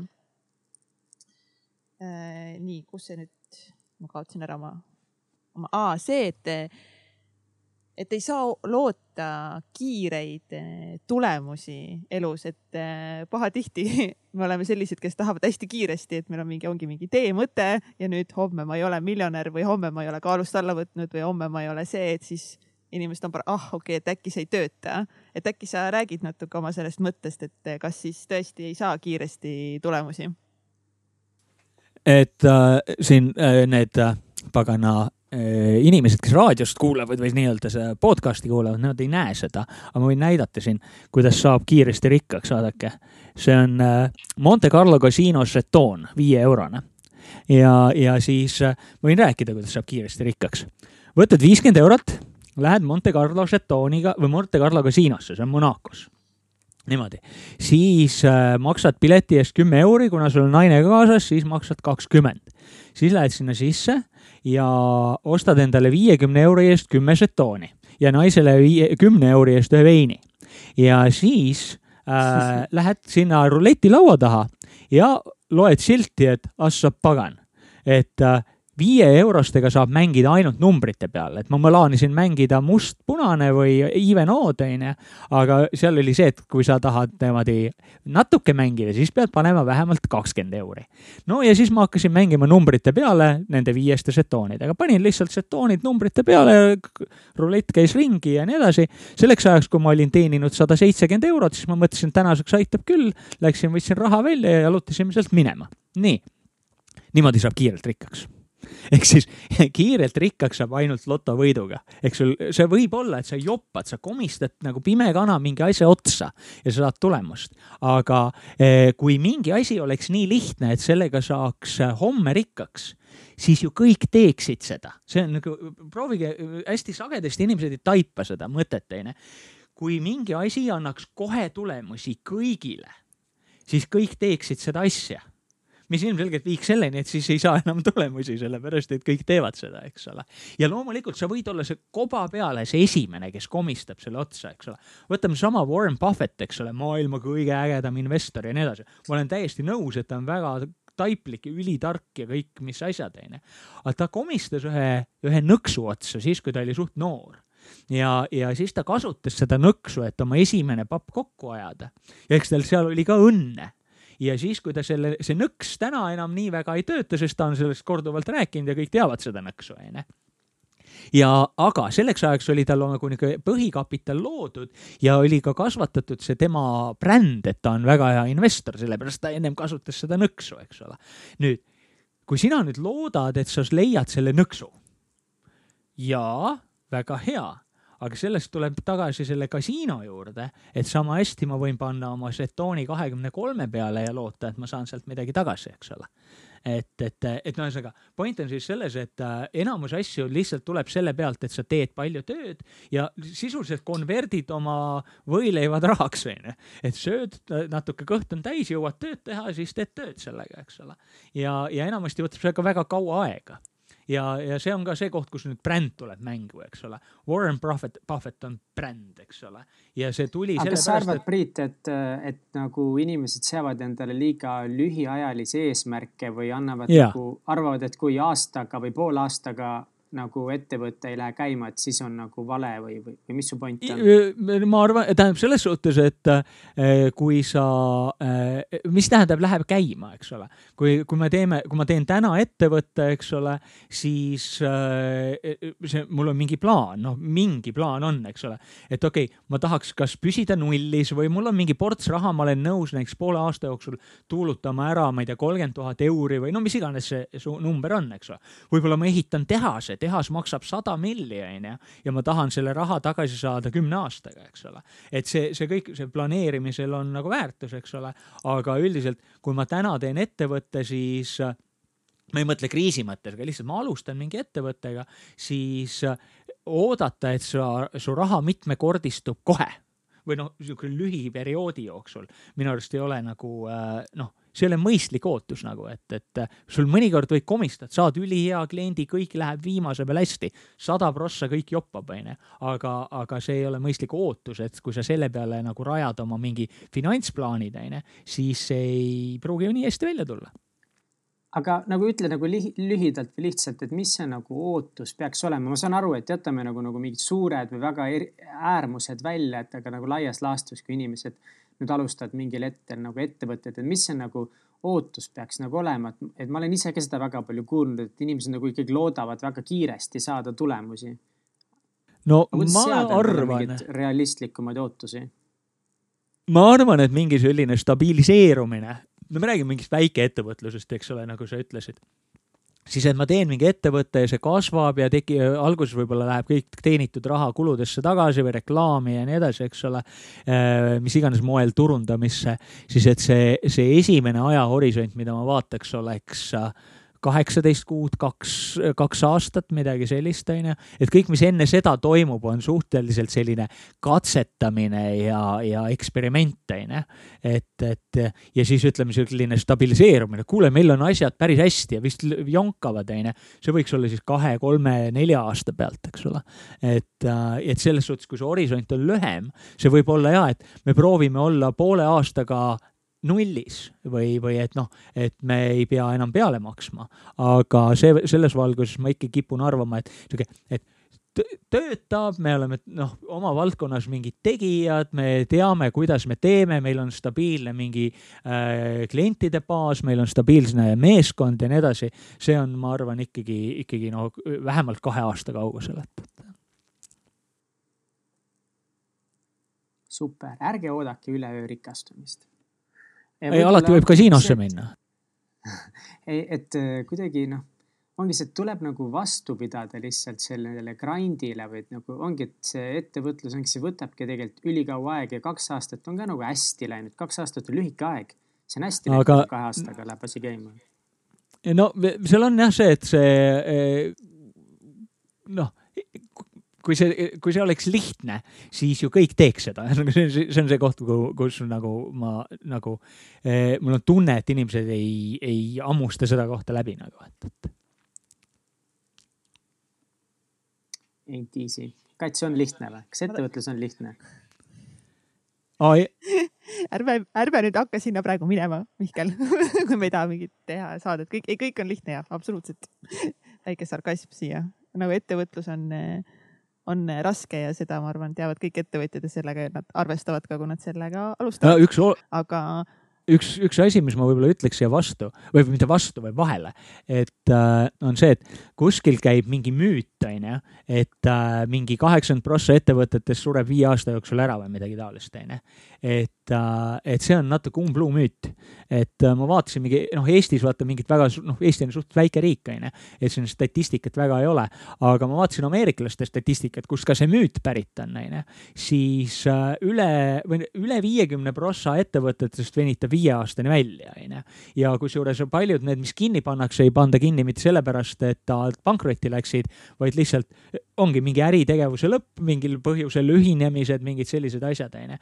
nii et äh, ettevõtlus ei ole nüüd ka mingi äh, erakordselt keeruline asi, aga lihtsalt see on see, et sa oskad leida lahendusi, onju mhm. tahaks korra uurida selle kohta, et sa ennem ütlesid seda, et, et kunagi sa olid hull näiteks auto, autopede ja siis mingi aeg said aru, et okei okay,, et võib-olla nagu see ei ole nagu eh, kõige õigem asi, et osta nagu kalleid autosid. kas sul on olnud oma elu jooksul veel mingeid selliseid eh, nagu taipamisi, et mida sa arvasid alguses, et mingi asi on, oh, see on nüüd mingi hullult my thing ja siis nüüd mõtled, et nagu come on, mida ma üldse mõtlesin no ütleme niimoodi, väga ei ole, siiamaani mulle meeldib, hullult meeldivad arvutimängud, onju. ja, ja aga siis, kui ma olin nagu noor, onju, siis oli see, et äh, ma olin meeletu, ma olin mingi tuhandeid tunde arvutimängudesse pannud, onju. aga et siis, äh, kui ma olin noor, e, noorem, noh, seal kahekümnendates, siis tol ajal ei olnud sellist asja nagu praegu on e-sports, onju et kui, kui oleks olnud tol ajal e-sport, siis ma tõenäoliselt oleks e-spordis olnud mingi tegija, noh, kui tegija, iseküsimus, aga ma oleks sellesse kindlasti sisse läinud. et noh, ma, ma olen päris veendunud, et ma mängisin Doomi mingi maailma tipptasemel, onju. Äh, mul on olnud äh, mingis sihukeses mängus nagu Need for Speed Porsche Unleashed kunagi maailmarekord, mitte ametlik, aga lihtsalt kunagi ma teadsin, mis minu aeg oli, onju. ja siis ma hiljem kunagi läksin vaatama, leidsin mingi veebilehe, kus olid maailmarekordid ja minu oli parem kui nende enda oma, onju. et, äh, et selles suhtes, äh, et see oli niisugune asi, mis ma täna olen endalt välja lülitanud. sellepärast, et see, ühesõnaga, mul on täielik sõltuvus, et kui ma võtan arvutimängu ette ja ennast ei piira, siis ma lihtsalt olen selles igavesti, et, et ja, ja see on meelega, tähendab, ma, ma teadlikult olen ennast välja lülitanud sellest, et mul praegu küll arvutis on lihtsalt nostalgia mõttes on Doom kaks onju. ja, ja siis ma siis aeg-ajalt annan endale nagu kommi seda, et kui ma teen midagi ära, siis mängin natukene, aga jälle nii kui ma unustan, siis vaatan oh and it's dawn onju, et siis on nagu järsku plaksti hommik käes ja, ja kõik aeg on ära raisatud onju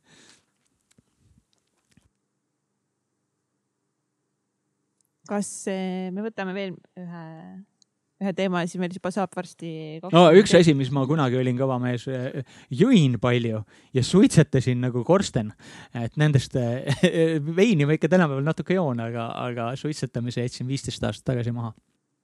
väga tubli poiss, väga hea ja vaata. ja see oli väga hea otsus jätke kõik suitsetamine maha, väga õige Eh, miks sa teed äh, challenge'id, sa oled äh, nagu vist kaks lahedat äh, challenge'it, sa oled jooksnud, ütlesid, et sa ükskord jooksid sada viis kilomeetrit jutti ja siis sa oled üle tuhande päeva jutti kirjutanud artikleid uh,. Why though? Mõne, ühesõnaga, vaata, kuna ma olen selline tõde ja õiguse mees, et ma leian, see eelnevalt tuli ka välja, et mul ei ole seda võluvitsa, ma ei tea, kuidas nagu, kuidas nagu kiiresti tööd teha, siis äh, puhtalt, et vastu pidada seda grind'i siis äh, lihtsalt ma treenin grind'ina selles mõttes, et äh, mul on vastupidavus teha asju nii kaua, kui nad äh,, kas selgub, et nad ei tööta või, või mingil heal päeval välja tulevad, eks ole, et, et see on peamine põhjus, et aga ma kohe-kohe toongi selle välja, et ühesõnaga sinu jaoks arvad, et just see ongi see vastupidavus, nagu võime vastu pidada ja, ja iga päev uuesti üles ärgata ja jätkata seda tööd, et see on väga oluline no eh, ma tean, et paljud inimesed arvavad, et see ei peaks nii olema, et noh, arvatakse, et inimese, inimene ei ole loodud töötama ja nii edasi. aga hunt ja vares ju teevad samamoodi, nad iga hommiku ärkavad üles ja lähevad, otsivad oma jänest või ussikest, onju. et äh, sellepärast, et noh noh, jaa, meil mõnikord joppab ja me ajame endale hästi suure hunniku ussikesi ette ja me saame mingi päev mitte tööd teha, onju. et inimestel on see erakordne konditsioon, mida kellelgi teisel loomal ei ole. aga, aga et kui ikkagi asi ventikesse läheb, et sul on see vastupidavus olemas, teha asju, see on, see on peamine põhjus minu jaoks. Mad respect, see on lahe ma olen ise üheksakümmend kaks päeva jutti mediteerinud, see on mu elu kõige suurem challenge, mille Oota, ma olen ära teinud. no nüüd tuleb kõvatama, noh, eriti tore, ma just tahtsin uhke olla enda saavutuse üle. kakssada kuuskümmend seitse päeva on täna hommikul. oled mediteerinud jutti? miks? Wow.. et äh, ma, kusjuures ma järjepidevalt mõtlen selle peale, ma ei, ma ei tunneta, vaata äh,, ma, mulle meeldib äh, teaduspõhisus ehk nagu et veenduda, et see, mis ma teen, on ka mõttekas, eks ole. ja, ja kui ma nüüd mediteerin, onju, tuleb tunnistada, et ma ei, ma ei, mul ei ole seda nii-öelda B-testi, et kuskil on Priit, kes ei mediteeri ja kuskil on Priit, kes mediteerib, et neid võrrelda omavahel. aga ma nagu ei tunne, et ma olen, tähendab, ma loodan, et ma, et see, et ma olen kuidagi rahulikum, tuleb sellest, onju. aga ma ei tea seda ja noh, ma ei mediteeri kuidagi palju, et ma teen iga hommiku, kui ma ärkan, ma teen mingi kakskümmend minti, onju. ja siis äh, ja siis, aga äh, see point on nüüd nagu selles, et mõtle, oletame, ma nüüd, oletame, et ma teen seda igavesti, onju. Äh, siis see tähendab seda, et aastas ma mediteerin sada kakskümmend tundi et äh, selle, tähendab, efektiivsus on ka oluline. kas on mingid paremad meetodid, kuidas seda sada kakskümmend tundi kasutada? tuumi mängida, lapsega mängida, koera silitada, whatever, et noh, et oleks nagu, ühesõnaga, ma olen ilgelt põen seda, et mul ei ole seda, seda B-testi, et, et seda Priitu, kes ei mediteeri, onju okei okay,, okei okay,, okei okay., no mina usun, et see aitab. ja vaata, usk on tore aga ma tahaks fakte kas me lähme meie välkküsimuste juurde? ja palun. Lähme ja. Lähme välgutame ah,, siinkohal ma ütlen, et äh, ma võtsin nüüd uueks eesmärgiks terve aasta ära teha. Cool, väga hea. ja äh,, aga sa juba puudutasidki kiirelt seda, meie esimene välkküsimus on. Priit, nii, kas sa oled valmis? noh. keeruline kas sul on olulisi rutiine või harjumusi, mida sa teed igapäevaselt või iganädalaselt? no äh, ühesõnaga hommikul ma ärkan üles, siis ma kirjutan. ma praegu õpin inglise keelt selles mõttes, et äh, ma teen pool tundi inglise keele hääldusharjutusi hommikuti lihtsalt, et kuna mu inglise ei ole nii hea, no nagu ikka eestlastel, ma mõtlesin, äkki saab, prooviks seda paremaks saada, et äkki oleks võimalik ka inglisekeelsel turul ennast avaldada. nii, ja siis ma kirjutan iga päev ja siis, siis, siis noh, praegu ma kasvatan siin mingeid erinevaid veebilehti, et mul on äh, üks töö on alati mingit veebilehte ma uuendan päeva jooksul vähemalt korra onju. et äh, me võtame kokku mediteerimine, inglise keel, kirjutamine ja veebiuuendus, jah, need on need asjad, mis mul on nagu fixed, et nad ei pruugi olla nagu rutiinis selles mõttes, et ma teen nad järjest ära, kuigi peaks. Aga ma ka mingi kuidagi terasest ei ole. Ja siis ma lihtsalt lasen venitama, onju. ja, ja siis ongi, et näiteks üks asi, mida ma avastasin selle kirjutamise puhul, onju et kuna mul see challenge oli, et järjest hästi palju kirjutada, siis oli see, et kui sa tegid pika tööpäeva ära ja sul oli see tegemata, siis ma teen seda no matter what ja see tõmbas nii-öelda selle tööpäeva veel ultra pikaks, eks ole, et, et, et, et üldiselt, kui kellelgi on mingid challenge asjad, siis ma soovitan esimene asi hommikul kohe, et siis on päev on korras, et, et äh, nii, see oli väga lühike, välk küsimus, aga pikk vastus see on okei okay., aga milles sa väga hea ei ole? Laulmine, muusika üleüldse, tähendab selles mõttes just nimelt laulmine, selles suhtes, et mulle kunagi öeldi, kui ma olin väike laps, lauluõpetaja ütles, et kuule, pane ennast põlema. Ja noh, väike laps usub vaata autoriteete. Ja siis äh, ja siis mul ei laulnud mitte kunagi. Ja, ja näib, näib nii, et mul tegelikult oleks olemas mingi muusikaoskus, aga kuna ma ei ole seda mitte kunagi harjutanud, siis äh, ma olen, ma olen kurb selle üle, et, et, et mulle meeldiks, kui mul see oleks mille üle sa oled kõige uhkem oma elus hmm.? hea küsimus.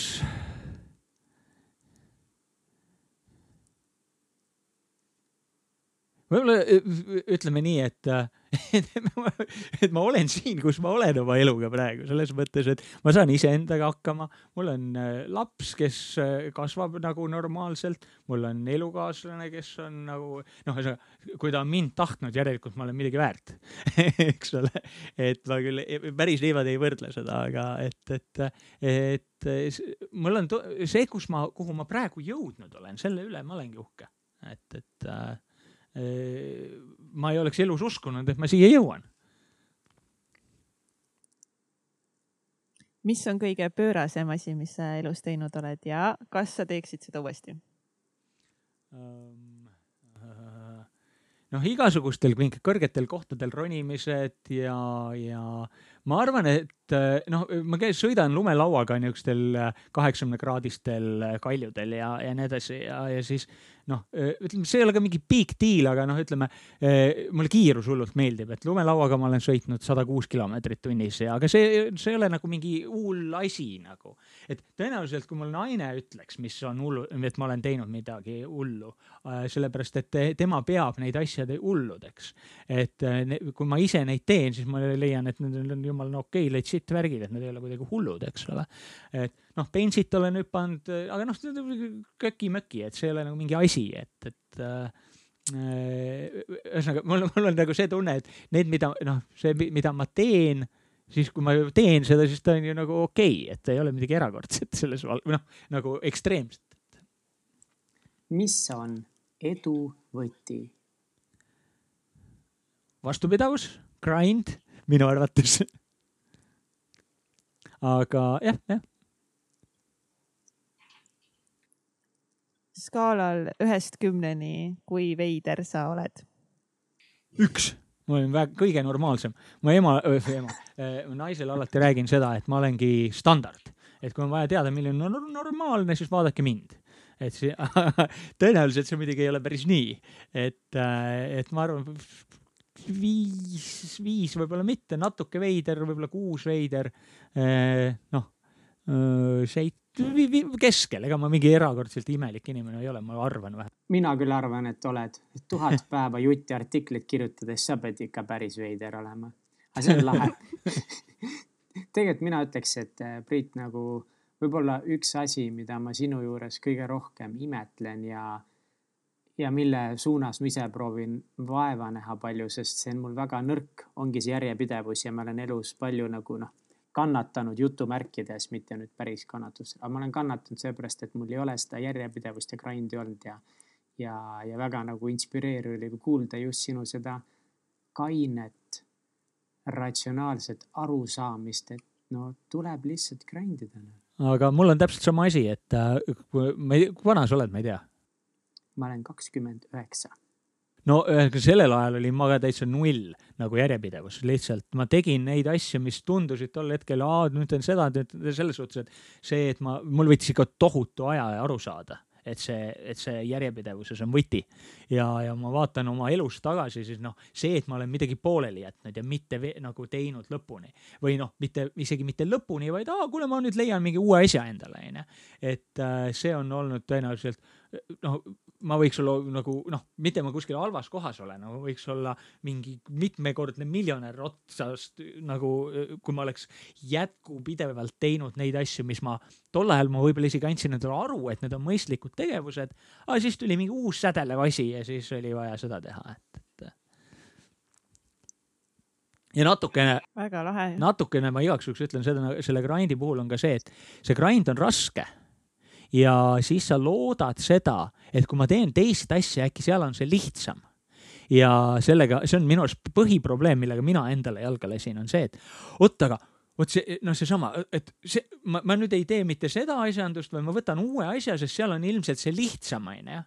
aga seal sa, kui ma siin olen juba seda kaks aastat teinud, siis kui ma uue asja võtan, siis ma olen ju, ma just kaotasin kaks aastat oma sellest, mis ma juba ära olen teinud, et see on hästi oluline. aga üks asi muidugi, mis on tähtis ka, on see, et äh, noorena, ma mõtlen seal kahe, ütleme siis mis iganes, kus sa nagu asjalikuks oled hakanud, aga kuni kolmekümnendani, seal võib, ma arvan küll ikkagi visata ühte asja ja teist asja ja kolmandat asja. muidu sa ei saa ju aru, mis sind huvitab, eks ole, et, et, et, et noh ei, ei ole vaja, et ma nüüd hakkan kahekümneselt hakkan tegelema, ma ei tea äh,, rekkajuhi, juhi ametiga ja siis oled kaheksakümneni rekkajuht onju, et, et proovid rekkajuhtimist, trammi, bussi, vaatad, mis sobib ja siis valid selle onju, et, et. see on suurepärane koht, kus äh, meie tänane vestlus äh, kinni panna. ülilahe on olnud sinuga vestelda, vahepeal vaielda, mõtteid jagada, et aitäh sulle su ajast, Priit väga hea, palun. aitäh, et äh, tegite saate. loodetavasti keegi kuulab ka seda